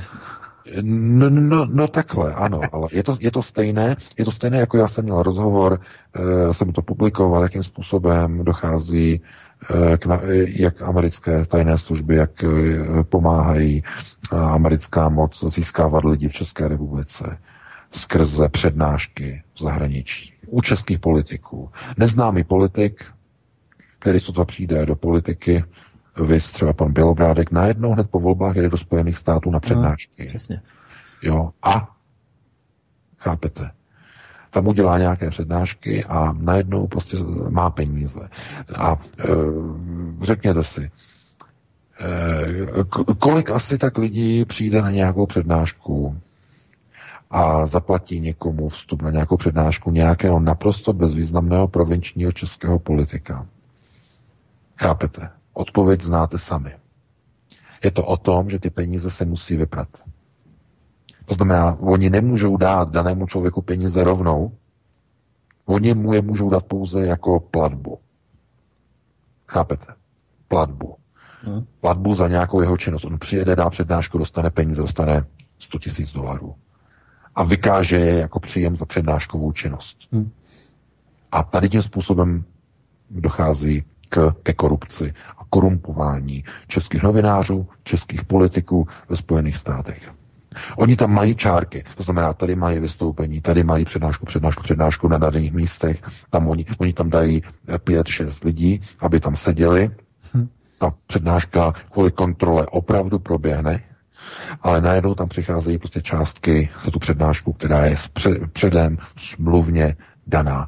50 tisíc, 30 tisíc, 70 tisíc dolarů za přednášku. A on je tam 14 dní, on udělá těch přednášek 8, 10, no a spočítejte si to sami. Jo? A za rok tam jede znova na přednášky. A tak dále, a tak dále. Takže takhle probíhá korumpování českých politiků. Přímo takhle, tímhle tím způsobem. A jsou to nejenom politici, ale i novináři. Novináři přijedou do Spojených států, pan Kubal byl nedávno, jo, a, a udělá tam reportáž. Je tam pět dní a udělá reportáž. Poté, co dostal někde nějakou cenu, udělá reportáž. Jo, a teď, jo, co, co, co zkrátka. Rozumíte, to je, uh, lidé, kteří do toho nevidí, tak si nedovedou představit, co se tam děje, ale zkrátka, uh, chápete, přece nikdo si nemůže myslet, že někdo prosazuje ty s odpuštěním, a teď budu zprostý a vulgární, ty sračky, které vysílá Česká televize, ty reportáže jejich, zmanipulované o Majdanu a zmanipulované o amerických volbách a každá druhá reportáž zmanipulovaná a ta každá první je, je pokřivená, když není zmanipulovaná, chápete? Takže to někdo dělá kvůli tomu, že by byl takový s odpuštěním hajzlík, že by, že by to dělal rád. No to pro boha, to, to tak není. To jsou lidé, kteří to dělají na objednávku, pochopitelně.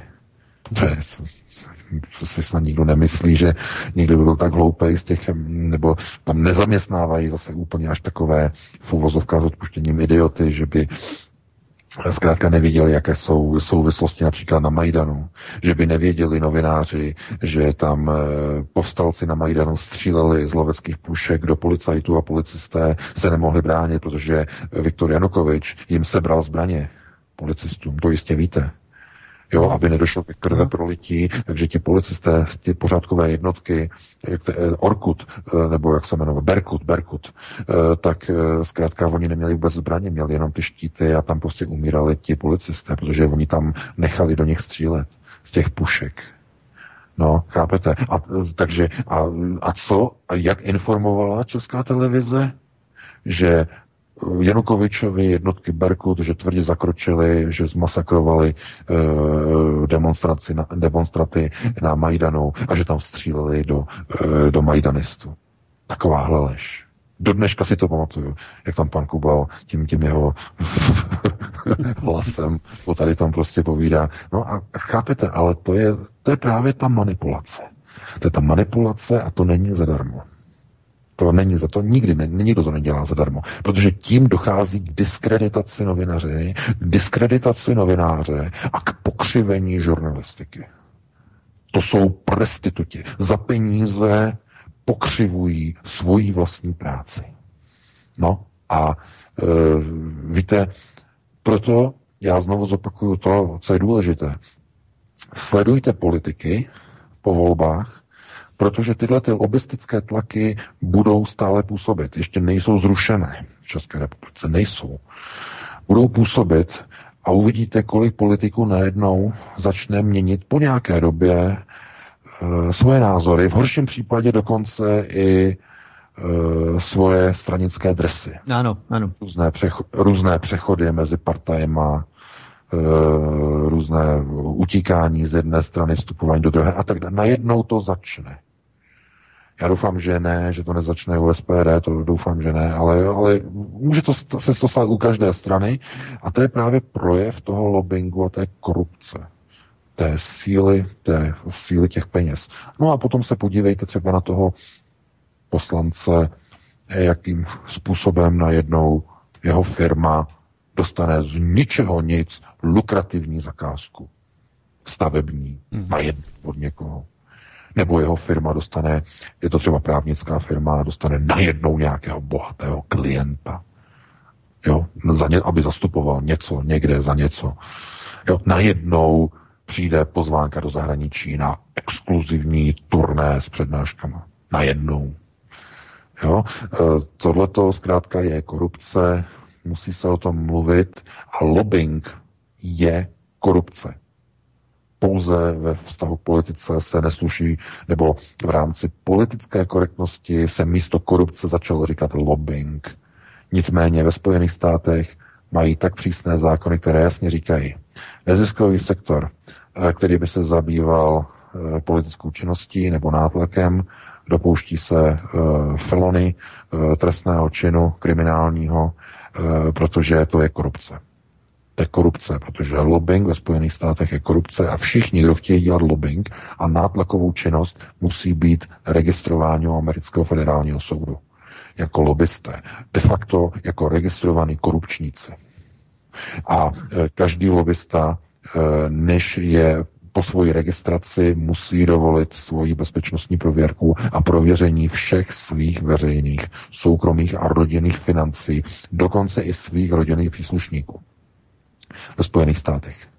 Takže e, lobbying je skutečně forma korupce, nátlaku na politické struktury, na volené zastupitele a tomu musí být učiněna přítrž, musí, tomu, musí to být maximálně regulované. Je naprosto skandální, že v České republice neziskový sektor a vůbec neziskovky a různé think tanky mají přímý přístup k poslancům. Dokonce na půdě poslanecké sněmovny pořádají různé uh, růz, různé přednášky, různé ovlivňování pozice a pohledu poslanců eh, vidíme, že eh, opravdu probíhá, nebo, nebo tady to působení probíhá pravidelně. No a zkrátka eh, skončí volby a najednou vidíte, že pan Máca z evropských hodnot, že najednou se aktivizuje proti SPD, najednou vytahuje nějaké prostě smyšlené, nějaké, nějaké, nějaké, nějaké, nějaké špíny na pana Kotena, že někde sdílel nějaké prý údajně e, nějaké konspirační články o nějakých mikrovlných troubách a já nevím, o nějakých luminátech a zkrátka dehonestuje dehonestuje nějakého člověka. Ti lidé o tom vůbec nic neví, o škodlivosti například mikrovln neví vůbec nic, o fyziku se nezajímají, ani nezavadili, jak může někdo Chápete, někdo, kdo se nezajímá o fyziku, ani nezavadil o mikrovlné záření. E, zkrátka, tohle to vůbec ne e, nebo vůbec to nepředstavuje něco, k čemu by se mohli takovýto lidé vůbec vyjadřovat, ale budou zkrátka urážet, budou dehonestovat. Stejně tak o iluminátech, eh, jak dehonestačně, pejorativně. O tom jsou knihy naprosto seriózně napsané o tom, kdo jsou to ilumináti, jakým způsobem vznikly, jakým způsobem například ilumináti působili při založení Americké republiky. Jedním z největších iluminátů eh, byl Eh, Thomas Jefferson, eh, jedním z členů eh, byl, nebo takzvaných iluminátů byl Isaac Newton, mimochodem, a vůbec se za to nestyděl, ale chápete, lidé, kteří mají vliv na řekněme, systémové světové dění, tak zkrátka, když potom mají nějaké napojení do vyšších procesů a jsou takzvaně osvícení. To, to osvícení znamená, že mají informace o věcech, které přijdou. To je to osvícení. No a to není o tom, že víte, že máte předpověď počasí a zítra bude pršet, ono fakt prší. To není, to není osvícení, to víte dopředu.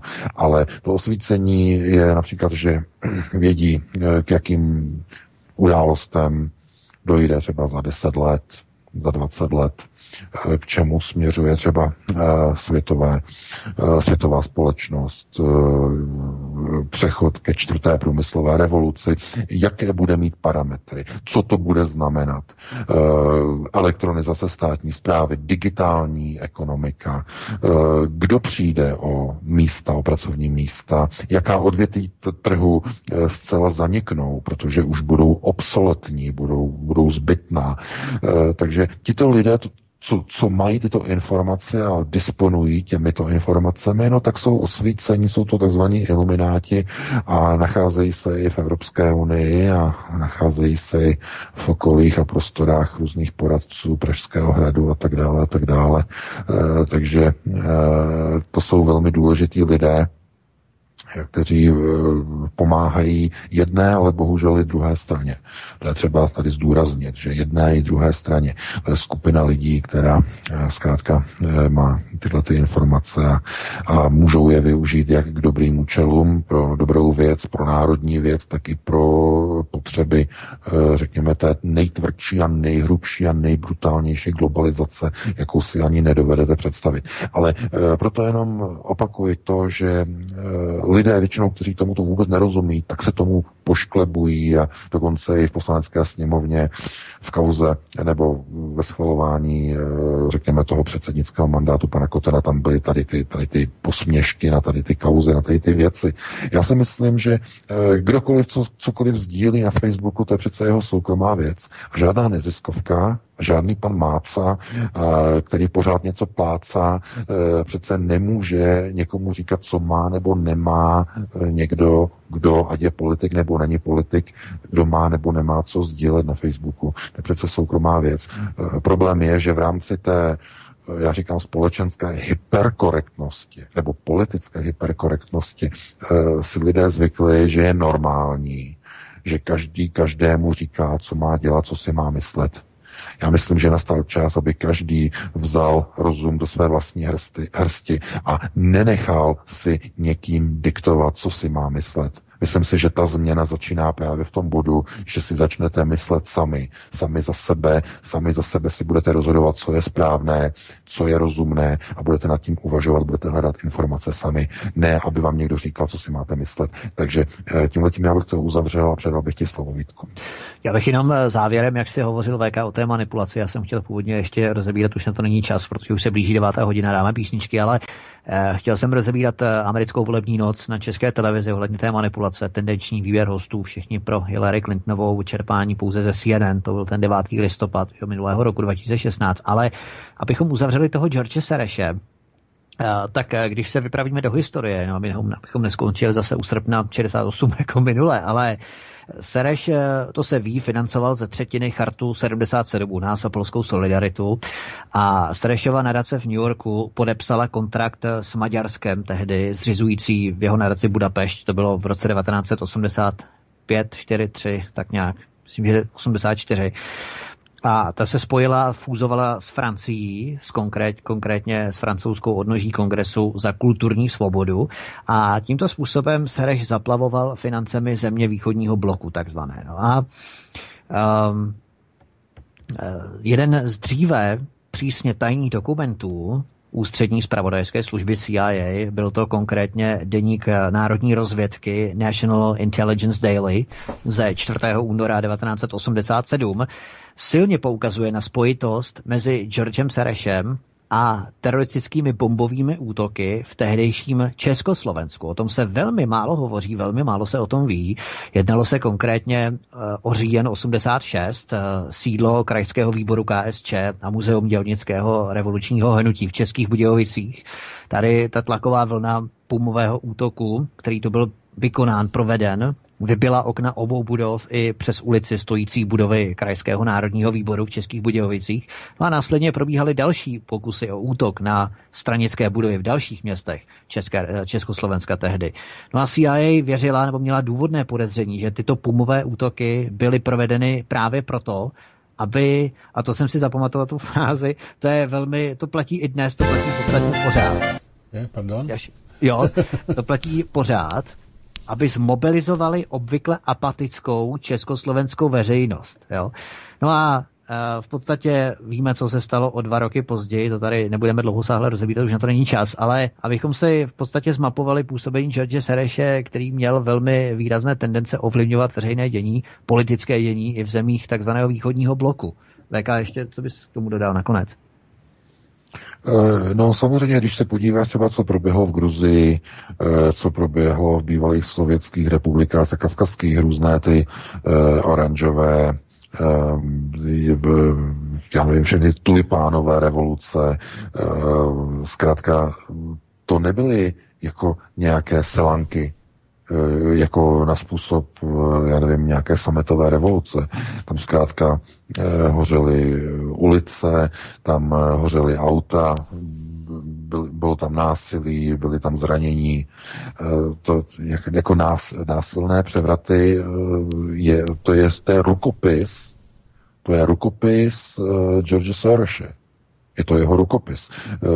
To, co proběhlo na Majdanu, to je, řekl bych, jako ukázková práce. Naprosto ukázková práce. Takhle zkrátka se dělají převraty.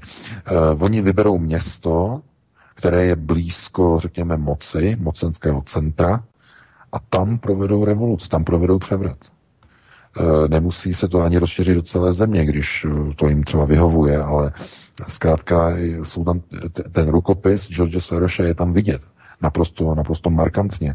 A e, já jenom jsem zděšen, kolik kandidátů, potenciálních kandidátů na prezidenta České republice,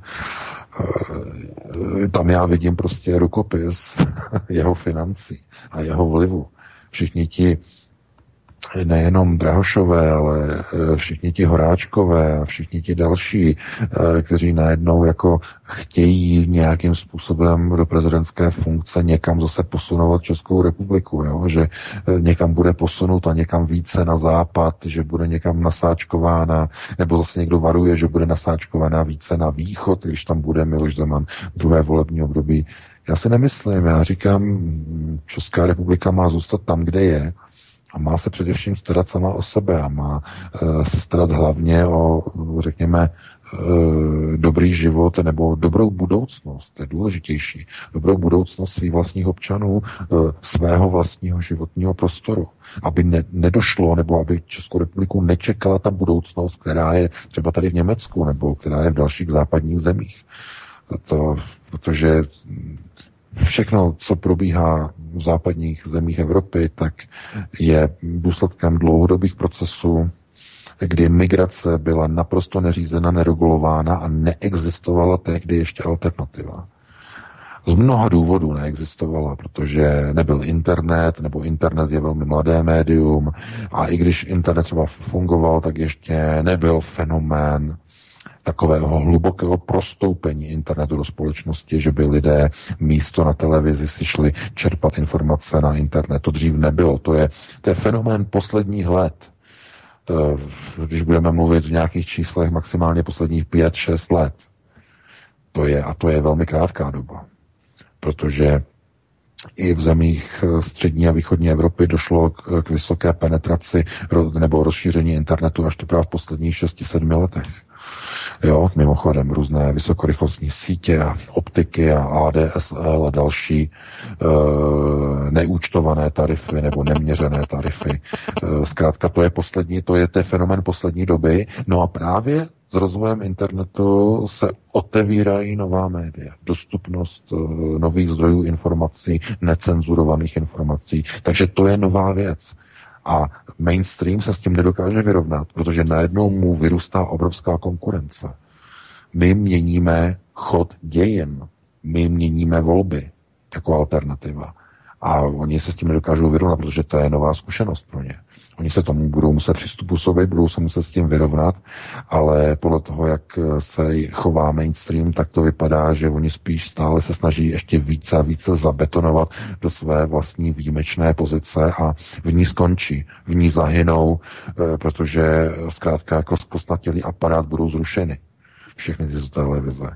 Uh, jo, protože jsou to, jsou to zkostnatělé systémy, které nedokážou reagovat na dynamicky se měnící požadavky na mediálním trhu. Uh, lidé nechtějí slyšet uh, různé, různé informace, které zkrátka jsou zmanipulované. Lidé to cítí, nebo vycítí to z té obrazovky, nebo vycítí to z toho rádia, když poslouchají, chtějí slyšet jiné informační výstupy, než ty, které jim předkládá mainstream.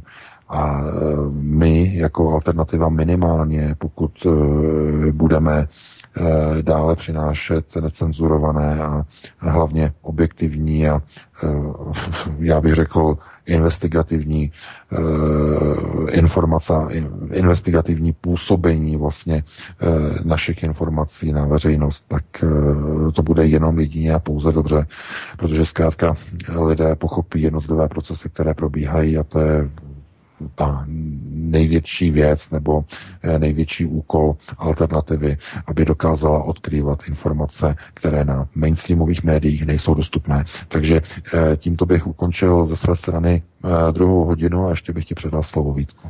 Já se oblouvám, já tady mám opravdu to musím říct ještě jednu informaci, kterou se mi nahrál ohledně té Gruzie, protože současný premiér, dříve tam byl Sák, ne, Sákašvili, Sákašvili, teď tam je Margelašvili, prezident.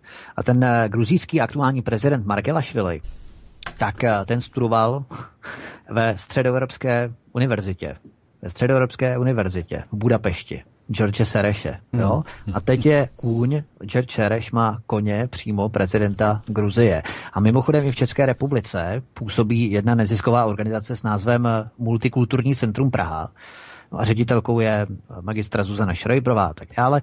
No a tady působí třeba Hedvika Janečková, která vystudovala kritická genderová studia na Středoevropské univerzitě v Budapešti také, čili George Sereš přesně té univerzitě, kterou chce Viktor Orbán zrušit. A také vystudovala politologii a evropská studia na Univerzitě Palackého v Olomouci.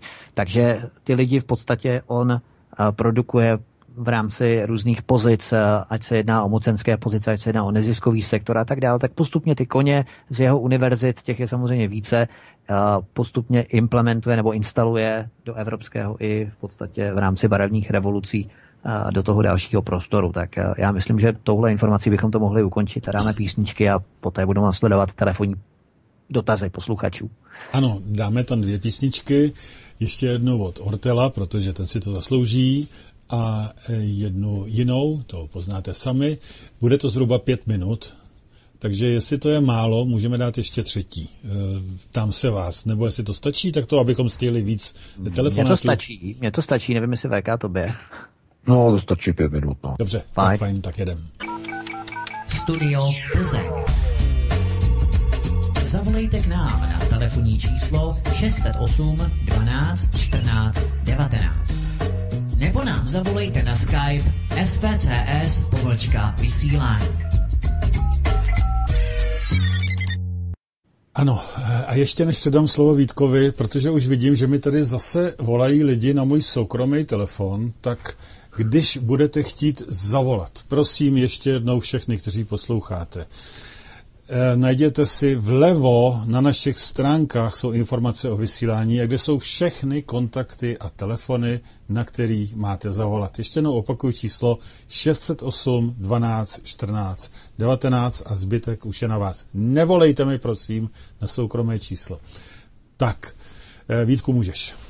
Já jsem jenom chtěl se zeptat, Pavle, my jsme se tu ještě o pauze bavili s tím, že jak tu VK nastínil ty přednášky, za které inkesují velmi slušný balík a různí lidé, kteří cestují do zahraničí, tak my jsme se tu bavili o 150 tisících za dnešní přednášku VK. VK není to málo snad. A to platí Putin, to je v pořádku. Já vím, že příště to bude lepší, nic moc, no, ale tak... To platí Putin. Jo, takové, no... Máme tu tele... A už, už, no, už to by bylo dobrý, no. To by bylo dobrý, to by to bylo by to příjemný, že? Ale korun, ne dolarů, no. Ale... Jo, takhle. Tak, tak. No, no, no, no. Eh, I koruny, i koruny. Dobře. Eh, takže prosím, eh, teď bude teda prostor pro všechny, kteří chtějí zavolat. Teď někdo už volal, ale nevydržel. Prosím, když, volaj, když voláte, vydržte trošičku díl, aby se dvakrát prozvonili a vykašlali se na to, protože to nestíháme zareagovat, nemůžeme hned to tam pustit. Já teda, já teda tady budu anebo ona volá teďko Jana Oušesky, takže eh, pustíme ji přes tak, eh, Jano si ve vysílání, prosím. Ahoj, já mám dotaz. Můžeš. Ahoj, Jani. Tak, už jsem, už jsem se to... Uh, můžu? Můžeš, povídej, můžeš. Takže zdravím vás všechny a chtěla bych se zeptat k tomu uh, vysílání minulé. Yes kdy se pan VK zmínil o tom, že eh, s alternativami moment, já jsem, že s alternativami konzultuje eh, vlastně to, jak by měla vypadat česká televize, že by měly být eh, dva jen kanály a že by se měly samozřejmě vyměnit ty redaktoři, kterých dneska mluvil. Já jsem se chtěla zeptat, že hodně lidí eh, to zajímá, eh, jestli eh, o tom konzultoval s alternativami mm, jako v cizině nebo s nějakými našimi. A jestli by to mohl trochu rozvést, že podle mě tohle opravdu zásadní věc, i kdyby chtěli SPD zavést eh, referenda a tak, tak vlastně bez toho, aby se lidi dozvěděli důležité informace eh, z veřejnoprávné televize, nejlépe rozhlasu, nebo prostě z mass médií, tak by to nemělo ten efekt. Tak bych se když tak ještě ráda zeptala um, On, na on tu čeká další, a... další posluchač na telefonu, Jano, víš, takže jo, jo, možná, takže že by bylo dobrý. Tak. Jo, takže na to bych se zeptala. Jinak bych chtěla říct, že eh, jo, i Piráti, šéf eh, vlastně kampaně Ferjenčík, studoval, eh, myslím, v Americe za peníze z pana Soroše a i Ivan Bartoš měl nějaký semináře, že před lety jsem se na to ptala, jestli jim to nevadí, že vlastně uh, využili těch uh, vlastně vlivů nebo těch peněz a Ivan Bartoš mi na Facebooku odpověděl, že, že na tom nic špatného nevidí. A vlastně Babiš, myslím, a pan Drahoš chtějí mít tu Sorošovu univerzitu i v Praze. Ano, tak ano, to, ano. to je všechno. Díky. Uh-huh. Díky, ano, Díky, poslouchej na tom. Ano, no, no, ano, ano. No já, já jsem eh, o tom hovořil, však ano, konzultujeme, ale to jsou konzultace s jednotlivými poslanci a lidmi eh, v české politice, které já nemohu odhlávat, abych je nekompromitoval protože by byly okamžitě, na ně by se slétly eh, všechny mediální vosy a hned by začali říkat, že jsou proruští a že jsou nevím, nějak způsobem napojený na náš server. To ne, to po mně nemůžete chtít. Ne, nemůžu odhalovat naše, naše uh, spolupracovníky a lidi, kteří nám pomáhají a různé lidi v poslanecké sněmovně, v Senátu. To, to nemůžete po mně chtít, to se nezlobte, to opravdu nejde. Ale nejsou to jenom z těch stran jako SPD a podobně, jsou to i z jiných? Já nemůžu specifikovat. Vůbec, vůbec. Co se na mě tohleto, tohleto Dobře. opravdu... To bylo moc úzký asi. Nejsem, no. nejsem člověk, abych ohrožoval bezpečnost některých lidí. Opravdu to, Dobře, v pořádku. Paní, ať se nezlobí. Rád bych odpověděl, ale opravdu nemůžu v této chvíli a v tomto nastavení to opravdu nejde, protože to by, jsme, to by bylo velmi nebezpečné.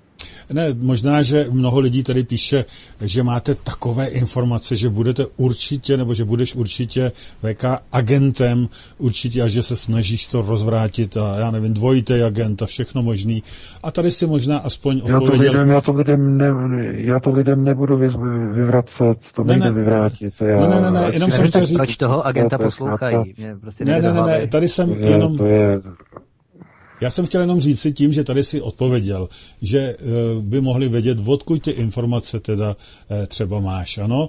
A že jsou to prostě Já informace chci jenom, třeba. chci říct jenom jednu zásadní věc. Jenom zásadní věc. Podívejte se, jak eh, dopadl, nebo to není tak dobrý slovo, ale jakým způsobem útočí naprosto eh, nehorázným způsobem média na pana Radka Kotena z SPD. Ano, ano, ano. Jenom kvůli tomu, že sdílel několik článků z Aeronetu. Dovedete si představit, kdybych tady odhalil některá jména některých lidí, poslanců nebo senátorů, kteří s námi v dobré víře skutečně v pronárodním nastavení spolupracují ve smyslu, že nás upozorní na některé procesy, které probíhají, o kterých bychom, o kterých bychom měli eh, informovat nebo napsat článek. Eh, dovedete si představit, co by se stalo?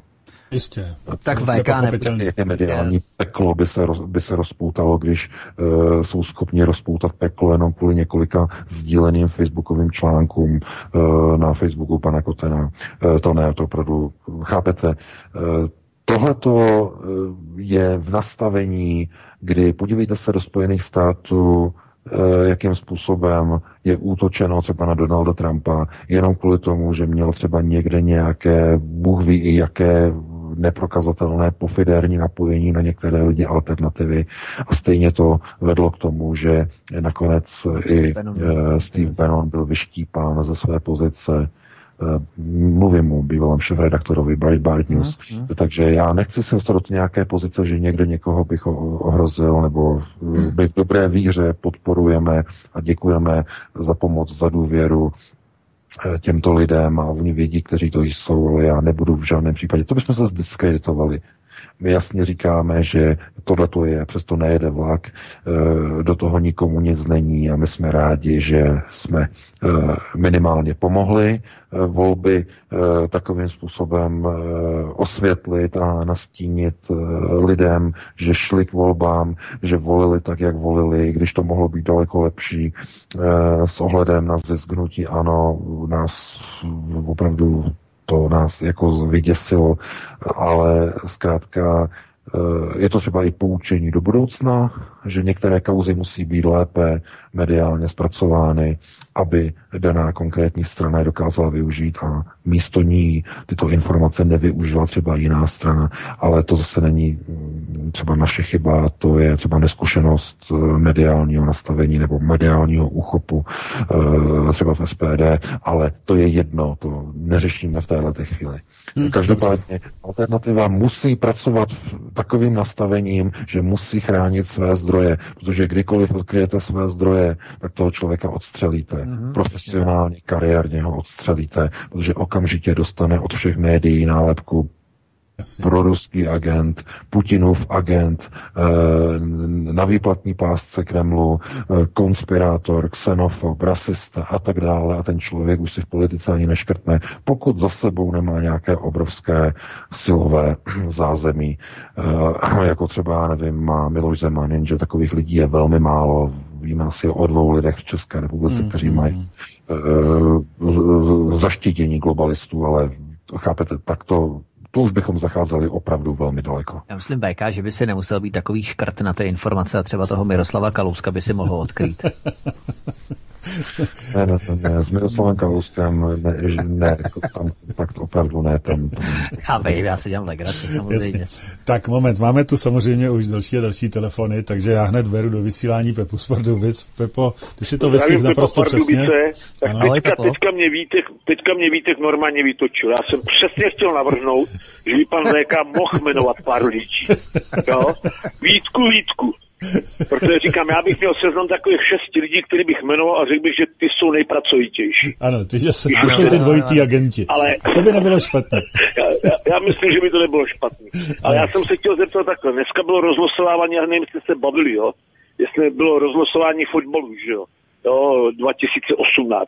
Jestli o tom jsou nějaké zprávy, jestli má pan Léka, jestli to dopadne, anebo ještě jestli na poslední chvíli ty šmejdi něco vymyslí a třeba nějakým způsobem to ještě v Rusku znemožnějí.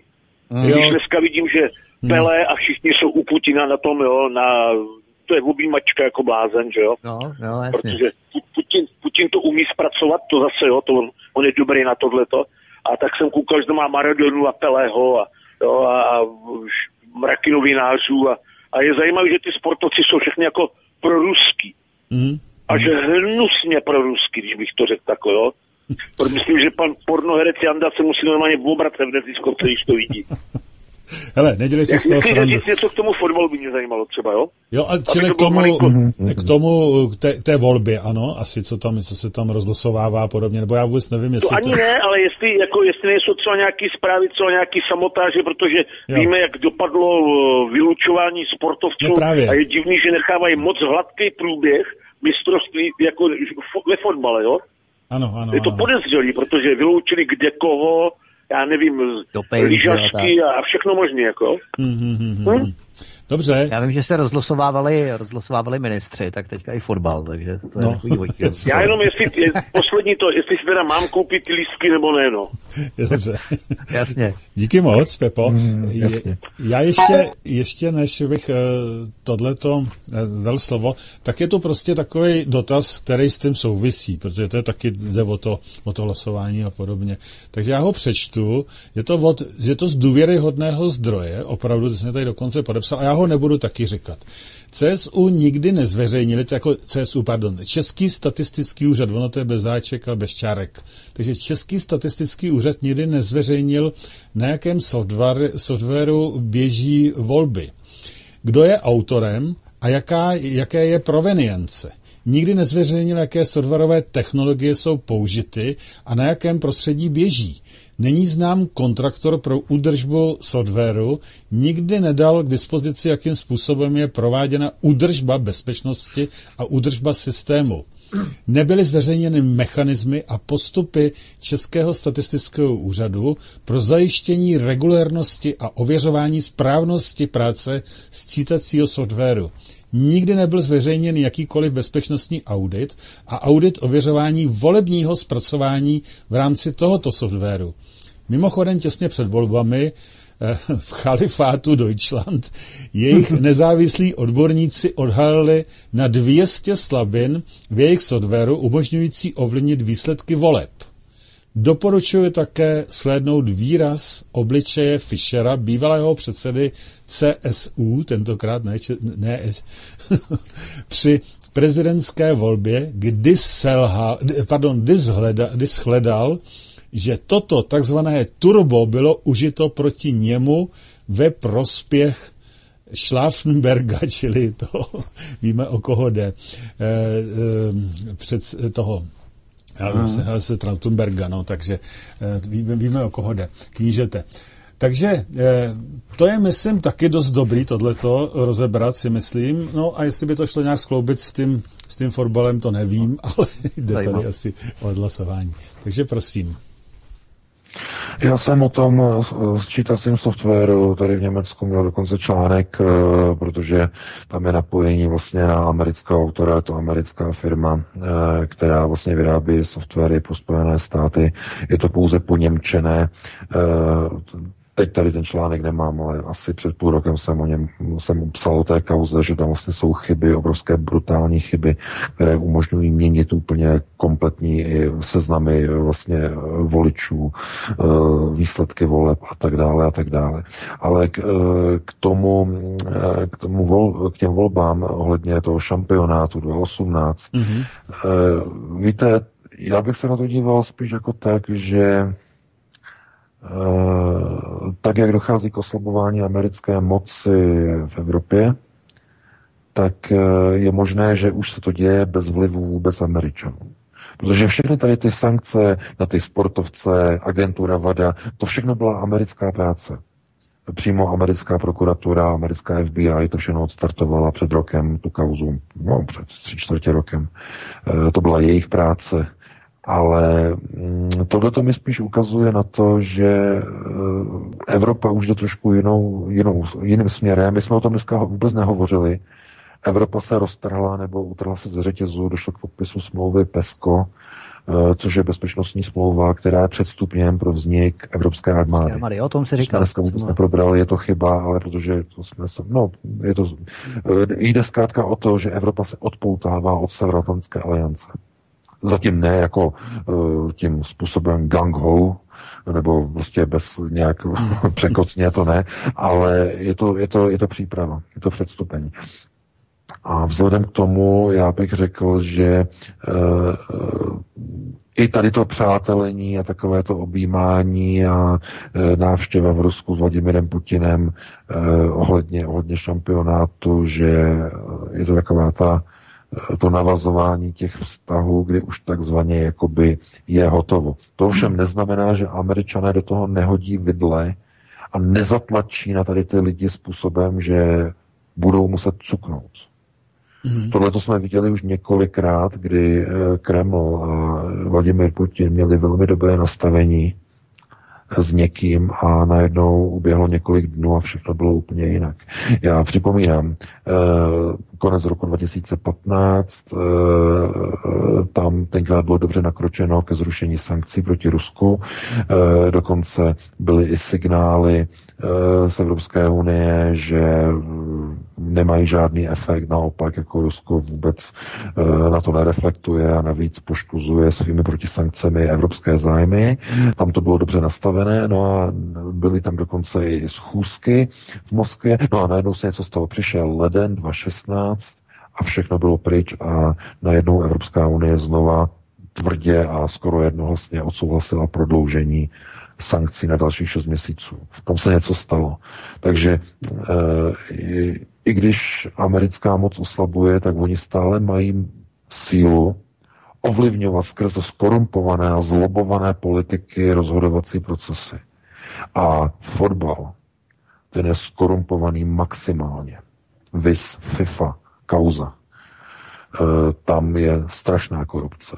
Hmm. A co oni mají na ty politiky, e, fotbalové ani ne politik, ale fotbalové eh, bafuňáře, co oni, oni všechno ví, co můžou proti ním použít a vytáhnout na ně, jaké černoty, tak bych se nedivil, že na ně můžou američané zatlačit, aby řekli, vezměte Rusku šampionát.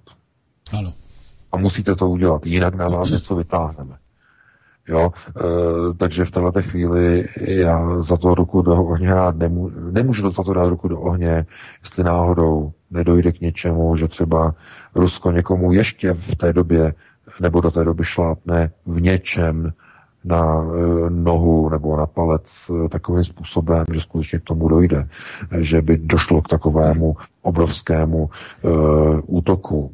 A e, jako jestli ano, kup, kupovat lístky, nekupovat lístky. Já si myslím, že Čím více lístků bude nakoupeno, tím menší pravděpodobnost bude, že dojde ke zrušení, protože to by, bylo, to by byla strašná ztráta, byly by to strašné peníze, které by museli vracet. Eh, čím více peněz do toho bude nasypáno ze strany, pozor, ne ze strany Ruska, to oni no, chtějí, měli větší škodu Rusové, ale ze strany evropských fanoušků. Mm-hmm. To je důležité. Čím více peněz ze strany evropských fanoušků a evropských sponzorů, to je důležité, bude nasypáno do šampionátu v Rusku, tím menší pravděpodobnost bude, že Američanům se podaří ten šampionát zhatit. Dobře. Já bych jenom jmenoval 19. říjen, 19. říjen 2016, kdy Vladimír Putin na pozvání Angely Merkelové naštívil Německo. To bychom si měli pamatovat. 19. No. říjen minulého roku. Nikdo neví, o čem tam jednali, nikdo neví, o čem to v podstatě bylo, ta schůzka, ale přijel Vladimír Putin do Německa na pozvání Angely Merkelové.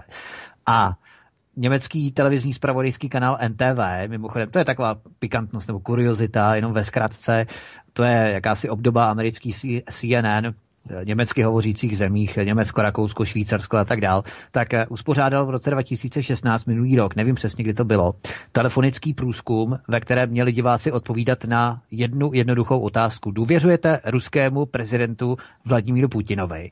No a po půl hodině od spuštění toho průzkumu vedení televize a rychlé a bez nějakého Dále. vysvětlení ukončilo eh, průběžné zveřejňování výsledků, protože důvodem byla skutečnost, že se počet kladných odpovědí pro Putina začala blížit k 80%, tuším to bylo tehdy, a oni to ukončili, jo. Takže to je jenom taková jako manipulace, když jsme se tak bavili o těch manipulacích Jasně. televizních, jakým způsobem v Německu je nastavená politika ohledně Ruska a obyčejných lidí. Jasně. Tak, no, a... tohle to dělá i Česká televize. To dělá Česká televize, taky dělá různé, různé reportáže a tohle to různé rozhovory a když eh, host říká něco, co není úplně po vůli, tak ho odpojí a přerušení spojení a hned tam naskočí něco jiného. No. To je... Oni to dělají dělají, oni to dělají. Oni, oni říkají, to, a to je, a to je, to, to je naše televize a tady budou mluvit jenom lidé, kteří chceme, aby tady mluvili a tam nikdo do toho hovořit nebude. Nikdo to nebude kecat. Máme tu další telefon, já ho musím už tady čekat dlouho. Určitě, Takže hezký večer. Jsi ve vysílání, Dobrý, Davide. Dobrý večer, pane Hlávka, my víme. Ano. Co budu, vlastně se budu ptát. Nevím. Pana Vítka taky zdravím a pana Veka taky. Večer. Uh, večer. Dobrý večer. Tak prosím. Uh, to, byla, to byla informace, že vlastně má Čína poslat na 2000 nebo několik tisíc vojáků speciálních jednotek, což je důležité říct, speciální jednotek. A ty mají jít do Sýrie pomoc v boji proti ISILu. Ano. Já mám takový dotaz, nebo spíš takový myšlenkový pochod. Oni tam přijdou, samozřejmě si jdou zacvičit. A to bude jako výcvik. Reálný tvrdý výcvik. Nejlepší, co může být. Jo, pro ně. Ale pak si říkám, proč by je tam vlastně Putin nechal poslat. A pak jsem si uvědomil, no jo, dopad se postaví mezi Izrael, Irán, jednotky Izbaláhu, když budou tlačit ISIL, víte, jak hranicím a tak dále, a tak dále, že tam budou třetí plochy místa určitých skupin, které se nemají rádi. Ale Já, Davide, ISILem. Nenapovídej, vlastně... nenap, nenapovídej, ne, nevkládej tam nějakou tu myšlenku, co necháme odpovědět pana VK, co ty myslíš? No, že prostě je mezi ně postaví prostě, o Číny. Nikdo totiž chtěl nic říct. Ani tak. Izrael. Dobře. Jo, dobré, díky, končí, poslouchám a mlčím. Díky. Tak to je fakt, že tam ty Děkuji. jednotky... No já děkuji za dotaz. Hmm, no ano, samozřejmě, že Čína bude mít své vlastní zájmy na Blízkém východě a e, já tam vidím hlavně snahu e, vytvořit tam určitou bariéru a obranu před americkými neokony, protože mm, e, pokud se podíváme na, na tu třecí plochu, která tam teď hrozí momentálně, tak eh, tam eh, by, hrozilo, tam by hrozilo postavení nebo vybudování v podstatě vojenské linie mezi americkou armádou a ruskou armádou. To je eh, úplně, to je faktor omega, nebo faktor alfa omega. Mm-hmm. Tomu musí být zabráněno, protože Američané deklarovali, že chtějí na území Sýrie si zachovat eh, minimálně svoji pozici na severu a na severovýchodě, eh, protože tam údajně budou chránit kurdské obyvatelstvo. Oficiálně je to kvůli nim. Nicméně pravda je taková, že v dohledné době by tam rádi vybudovali své trvalé permanentní základny.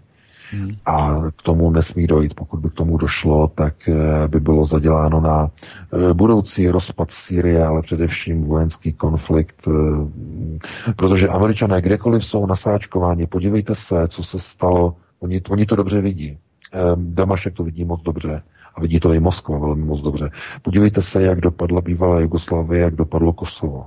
V okamžiku, kdy tam byla ukončená válka, tak co se stalo? Okamžitě američané vybudovali v Kosovu největší základnu, největší zahraniční základnu amerických ozbrojených sil na světě. V Kosovu. Bond Steel.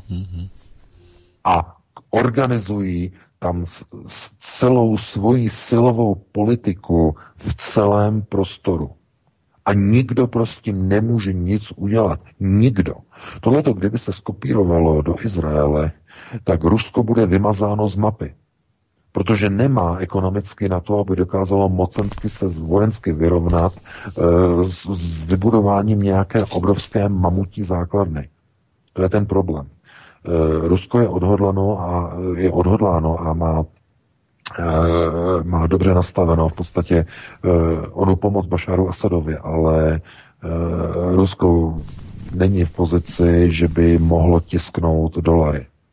Ty umí tisknout jenom FED a disponuje jim jenom americká vláda. Všichni ostatní si musí dolary vydělávat. Rusko přes ropu a tak dále přes nerostné suroviny. Američané ne. Američané natisknou zelené dolary a mají všechno kryté, nemusí nikdy, američané nikdy nemusí spát, splácet své dluhy mimochodem. Oni si můžou půjčovat do nekonečna, protože jejich ropa je, eh, nebo jejich dolary krytý ropou a dále a druhou, druhou věcí, která je neméně důležitá, je jejich vojensko-průmyslový komplex. Jejich zbraně, jejich gany, kterými zabijou a Eh, srovnají se zemí každého, kdo by chtěl ohrozit stabilitu dolaru. Jako srovnali se zemí Libii, jako srovnali se zemí Jugoslávii, jako srovnali se zemí další a další země, jako srovnali Irák. Jak se pokusili e, to samé aplikovat na Syrii. E, takže vybudování jakékoliv americké základny tam v tom prostoru severu, severovýchodu, eh, by vytvořilo obrovský problém do budoucna, ne hned, ale do budoucna pro eh, v podstatě setrvání celistvosti a územní celistvosti eh, celého, celé Sýrie. To by byl problém, protože viděli jsme, jak dopadlo Kosovo, jak dopadla bývalá Jugoslávie, jak dopadlo Srbsko. To je, myslím si, jasné memento toho, protože a i američané se řídí vlastně tím klasickým rozdělují a panují. Oni chtěli rozbít, to byl původní plán, rozbít Syrii, část mít pod svojí vlastní kontrolou a zbytek budou ovládat jimi kontrolovaní teroristé, jimi kontrolovaný islámský stát. Stejně jako v Iráku jimi kontrolovaná Al-Qaida. Ještě tehdy, nedávno. Ano. Hmm, tomuhle se musí učinit přítrž, ale hmm, já chápu tu pozici, kterou má Bashar Assad, to znamená, on vidí v Číně toho, ten stabilizační faktor. Ovšem, e, tohle to není úplně dobrá zpráva pro Moskvu, e, pro Rusko, protože v tomto mocenském nastavení působí Peking více jako, řekněme, konkurent než partner pro Rusko v Syrii. Eh, vůbec eh, Čína, Čína je partner třeba ekonomickým, ano, ale eh, Rusko se určitě nedívá na Čínu jako na vojenského partnera. To je spíš vojenský konkurent. Takže já tohle to vidím jako dobrou věc nebo dobrou zprávu pro Bašára Asada a dokonce mám trochu takové obavy, aby náhodou tohleto nebylo interpretováno v Moskvě jako Eh, poté, co Rusové udělali svoji práci, tak eh, Bashar Assad teď najednou mění svoje spojence. Přechází k Číně. To by nebyla vůbec dobrá zpráva pro Vladimira Putina. Eh, já doufám, že tohleto je nějakým způsobem dohodnuté více a blíže mezi Moskvou a Damaškem. Každopádně já z toho nemám zrovna moc dobrý pocit, protože kamkoliv jde čínská armáda, tak sleduje své vlastní mocenské zájmy.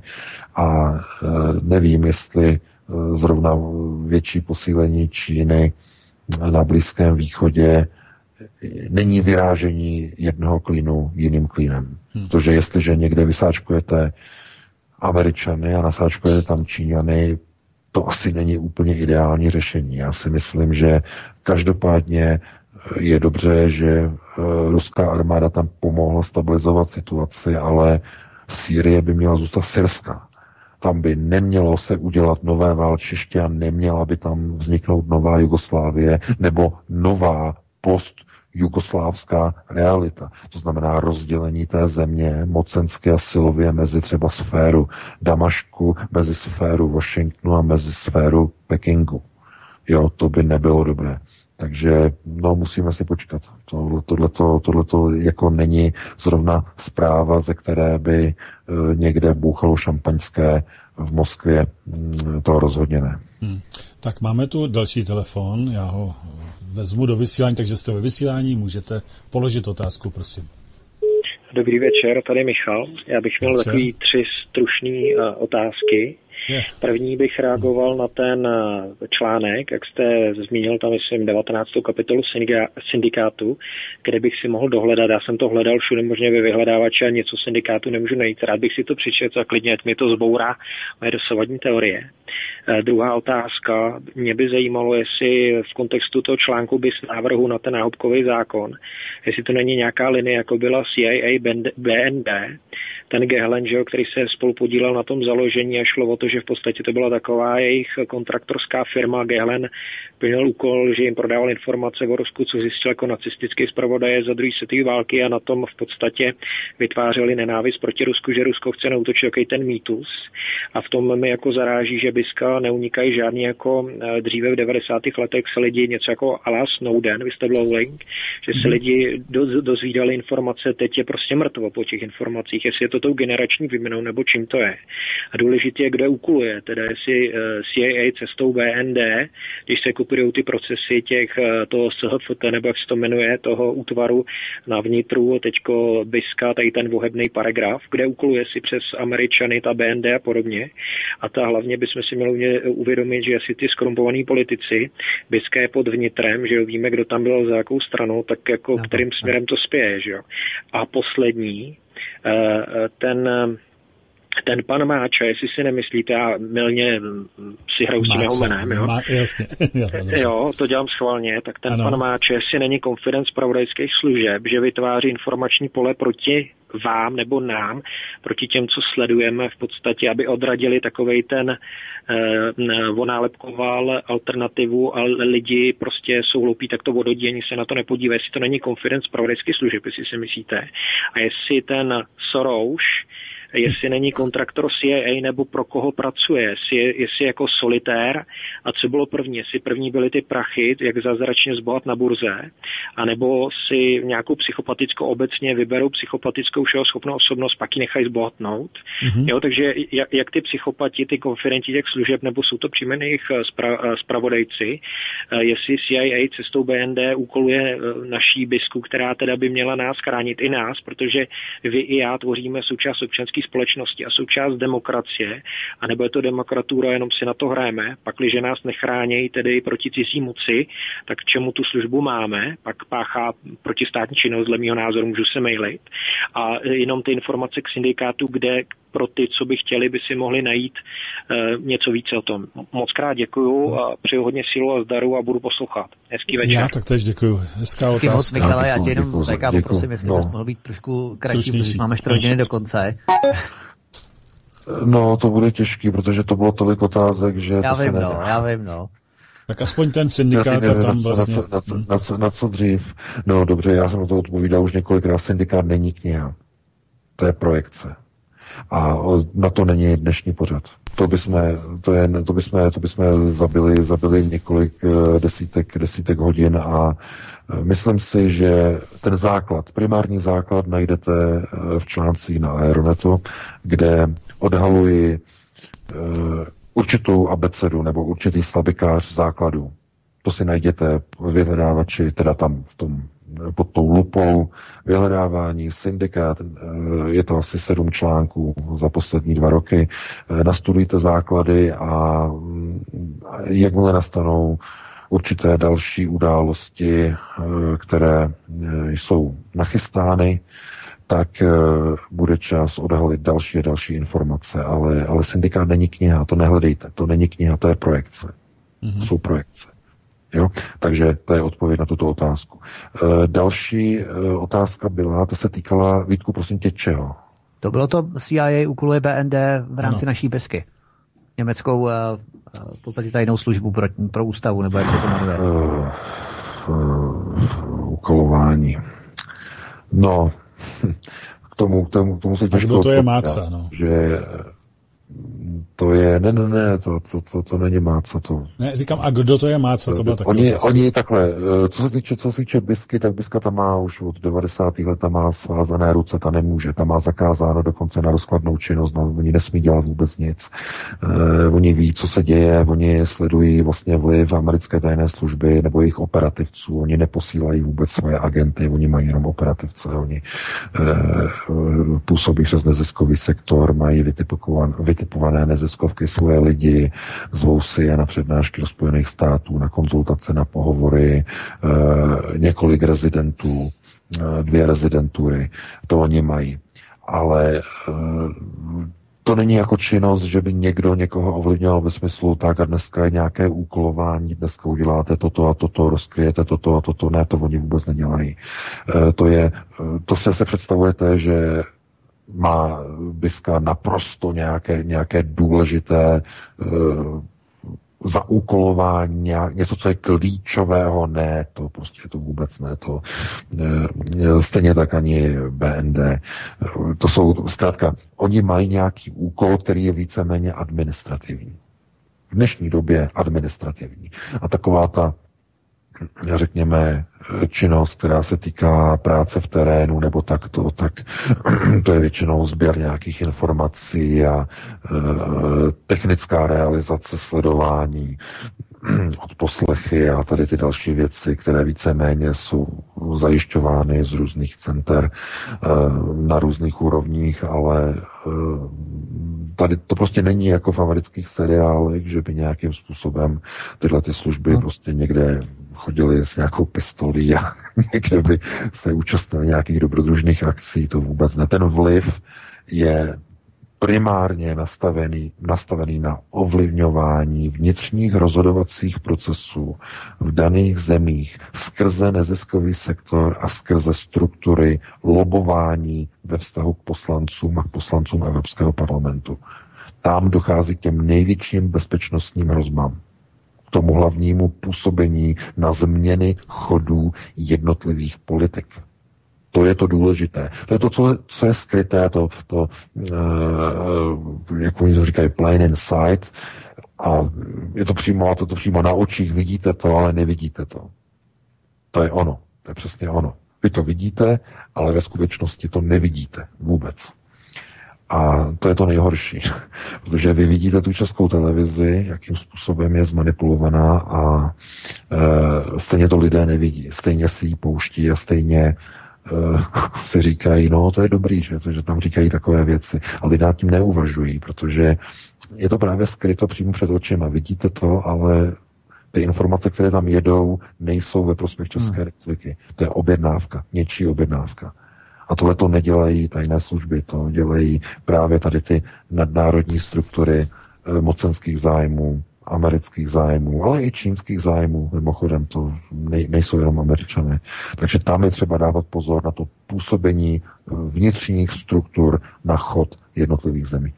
Já ještě bych připomněl, my jsme tady probírali právě to Kosovo, jak si poukazoval na to Kosovo, kde je Camp Amstil, americká největší základna v Evropě, aby Sýrie nepostupoval postupně podobný proces, jako Jugoslávie bývala, tak eh, možná bychom si měli povšimnout informace, já nevím, eh, jestli si to pamatujeme, ale turecká agentura Anadolu zveřejnila v úterý 18. června tento rok 2017 bez uvedení zdrojů souřadnice deseti amerických základnách na severu Sýrie v oblasti kontrolované kurdskými milicemi IPG. To znamená, že ti američané už tam mají dokonce deset základen. Turecko to zveřejnilo, včetně souřadnic, takže ne, že by tam neměli, oni už tam mají základny. Eh, no, to jsou, to nejsou, to, to nejsou permanent bases. To, jo, to jsou, to hmm. jsou, mají tam, to jsou ty normálně ty klasické expediční tábory. Ale jasně, jasně. tyhle ty permanentní základny, ty, to, to je něco jiného. Eh, to jsou obrovské komplexy, zděné komplexy, montované komplexy, eh, vybetonované, všechno s infrastrukturou, se vším, s podzemními objekty. Takový městečka v podstatě. Se, s komunikační, se špionážní technikou, s odposlechy, eh, se satelitním příjmem, eh, kompletní výbava, kompletní infrastruktura, dokonce i s přenosnými jadernými reaktory. Oni tam mají dva reaktory na Bondsteelu, dva přenosné jaderné reaktory od Westinghouse. To jsou ty malé, takové na, na těch kolečkách, to jsou ty miniaturní reaktory.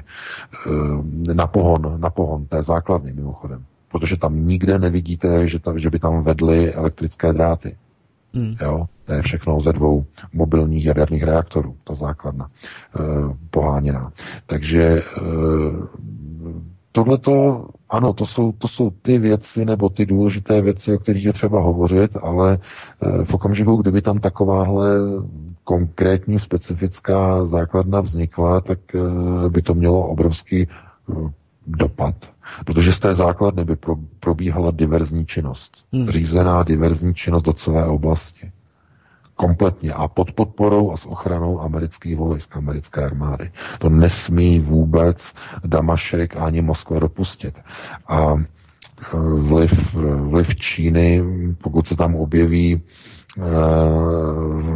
prostě Číňanům, Číňané sledují své zájmy. A e, opravdu mi se vůbec nelíbí to, když vidím, jakým způsobem e, američtí generálové podepisují smlouvy s americk, e, když čínští generálové podepisují smlouvy s americkými generály. Jako nedávno to smlouva o spolupráci mezi americkou a čínskou armádou. To se mi vůbec nelíbí. Hmm. A měl jsem o tom článek mimochodem před půl rokem. Tak. Já poslední telefon. Tomu dokonce ka- ano. Byla tam kvůli tomu dokonce kauza. E, takže e, dívat se na to, hlavně z těch mocenských eh, struktur, dívat se na to, e, že proti Rusku, proti Rusku stojí mnoho sil nebo mnoho mocenských zájmů. Jsou to nejenom američtí ne- neokoni, ale i globalisté, kteří jdou proti Rusku. A bylo by hrozivé, kdyby v Sýrii kromě americké armády, která zastupuje americké neokony, kdyby eh, proti, tam, proti Rusům tam stáli globalisté, které reprezentuje Čína. Mm-hmm. To bylo velmi smutné. No, snad, no uvidíme, uvidíme. Mm-hmm. Dobře, tak, tak fajn. Jestli můžu, Vítko, Vítku, poslední, no, no, no, no já pos, právě myslím, ano, poslední, poslední, telefon, poslední telefon a jenom chci upozornit, že máme za pět, deset a dneska skutečně musíme maximálně dvě minuty po desáté ukončit, jo, VK, tak abys to věděl, eh, já beru teda ten telefon a musíme, není jiná možnost no abych velice rychle, k těm Číňanům. Na tom je divný, že oni jdou do oblasti Latakia a do oblasti, do oblasti toho Tartusu, jako od středozemního moře Čína, jo? A údajně, no, to, tam mají, to jsou ty dvě základny, které mají Rusové. No, no, no, no, to, to, je, to je právě zajímavé, že oni no, jdou tady no, no. do této oblasti, že oni nejdou do té oblasti ano, jako k Iráku, k Iránu nebo na tu druhou stranu, ale sem, ale oni tvrdí, že tady jde v té oblasti jsem Latakia někdy jako k těm tureckým hranicím, že by údajně mělo být přes tři tisíce čínských bojovníků, jo, který ty, ty Urgulové, nebo já nevím, jak se to jmenuje, jo, jo, jo, jo. a že, by, že, že jdou zlikvidovat ti lidi, aby se jim nevrátili domů. To tvrdí Čína. Jo. Dobře, Pepo, díky moc. Já si myslím, že no. VK to rozvede a budeme končit. Díky. Už prosím teda nevolejte, protože už bychom to nezvládli. Opravdu musíme končit dneska přesně po té desáté hodině a to už je tak akorát, protože bude ta důležitá meditace. Můžete já, zůstat, já jenom k tomu řeknu jednu, jednu důležitou věc, protože to je přesně ono, o čem jsem hovořil, že se bojím toho, že úlohou Číny bude spíš vytvoření jakéhosi konkurenčního mechanismu vůči ruským vojskům, eh, ruským základnám v Syrii, než aby tam byly jako nějaký balanční faktor eh, kvůli nějakému konfliktu mezi tam těmi silami, jako jsou, já nevím, Rusové, Damašek, jeho vojska, Američané a Izraelci. To, to, to ne, tohleto, tohleto spíš vypadá na něco jiného. To mi připadá jako, eh, že eh, tam nejedou Číňani za sebe, ale jedou tam spíš na pokyn globalistů, aby nějakým způsobem monitorovali a moderovali ruskou působnost v Syrii. Prostě jim lezou do zelí.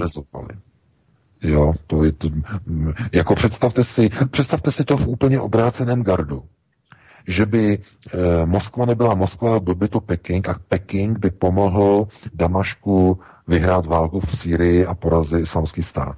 Představte si to. A teď by vlastně eh, Peking nebo Čína by byla eh, v Lataky, byla by, v, eh, byla by v Hamímu, v Himímu, nebo jak se to jmenuje to, to letiště, byly by tam. No. A najednou, najednou by se tam do jejich blízkosti nasáčkovala ruská armáda. Jak myslíte, že by to Peking hmm. tlumočil? No, jako ohrožení své vlastní přítomnosti svých vlastních zájmů. Jo, takhle já to, já to vidím, protože to není normální. Pokud se nedomluvili na tom mezi... takhle, takhle, takhle to budou Rusové, mm, si myslím, pokud tam teda není nějaká speciální dohoda Domluva, mezi Moskvou ano. a Pekingem. Přesně, to si myslím. speciální, která by, která by jako tomu dala prostě zelenou, že takhle to má být.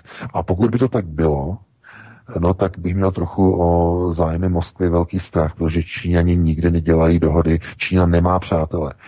Čína pouze sleduje své zájmy.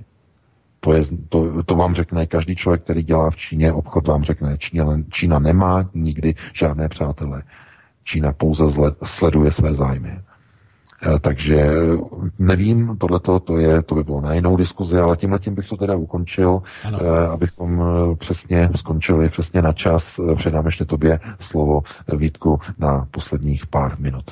Děkuji, VK. Já bych se rozloučil jednak s tebou, jednak s Pavlem, jednak s posluchači. Děkujeme vám, že vám zachováváte přízeň a že nás posloucháte, že nám voláte, že nám píšete a my se na vás budeme těšit eh, příští pátek při další uh, seanci týkající se necenzurovaných informací a událostí, které se dějí na mezinárodní scéně. Třeba příště probereme i něco zase o robotizaci a automatizaci průmyslu 4.0 v druhé hodině. Můžeme se na to podívat i další fyzikální záležitosti, které kolem toho panují, protože je to velmi zajímavé téma, ale uvidíme samozřejmě, co se bude dít ten týden, jestli to nezastíní nějaké události, které bude třeba opravdu důležitě probrat eh, a, a tak dále. Čili já se s vámi loučím a zároveň bych vás ještě pozval, pokud si mohu dovolit, na, na, na středu, eh, kdy budeme mít pořad o dronech. Mm-hmm. Využití, dron, využití dronů v armádě, využití dronů v civilních odvětvích, ale samozřejmě i v armádě, jakým způsobem mohou být drony zneužity, využity a tak podobně. Takže ve středu od 7 hodin se na vás těším a samozřejmě příští pátek s nějakým ze studií ve spolupráci ze studií svobodného vysílače a s tebou VK se budeme těšit opět v 7 hodin večer. Ano, já taky děkuju, že jsme já se, se tak... také těšit. Dobře. Já, jenom jsem chtěl říci, eh, že to bude teda krásný pořad pro modeláře, pro letecký modeláře o těch dronech, takže všichni, kdo děláte do modeláře, včetně mě, budeme poslouchat určitě. Takže děkuju za poslech taky a ještě se můžeš teda rozloučit, VK. Eh, dobře, dobře. Já se také loučím, budu se těšit na příští pátek od 19 hodin v pravidelném čase opět naslyšenou eh, s tebou Vítku, eh, se všemi ve studiu a se všemi posluchači svobodného vysílače CS a se všemi čtenáři CZ. Vám všem teď přeji krásnou dobrou noc. Také se připojuji dobrou noc. Já ještě taktéž připojím dobrou noc, ale pro ty, kteří chtějí ještě zůstat na tu, eh, myslím si, že velmi důležitou meditaci na podporu egregoru slovanství, tak bude začínat přesně 22.05. Bude se vysílat taktéž na svobodném vysílači tedy, ale můžete se pustit taktéž doma. Tak já vidím, že už se mi kolegové odpojili, já pouštím písničku a přesně za tři a půl minuty začneme meditaci. Zůstaňte, možná, že to bude zajímavý i pro lidi, kteří poslouchali tento pořad.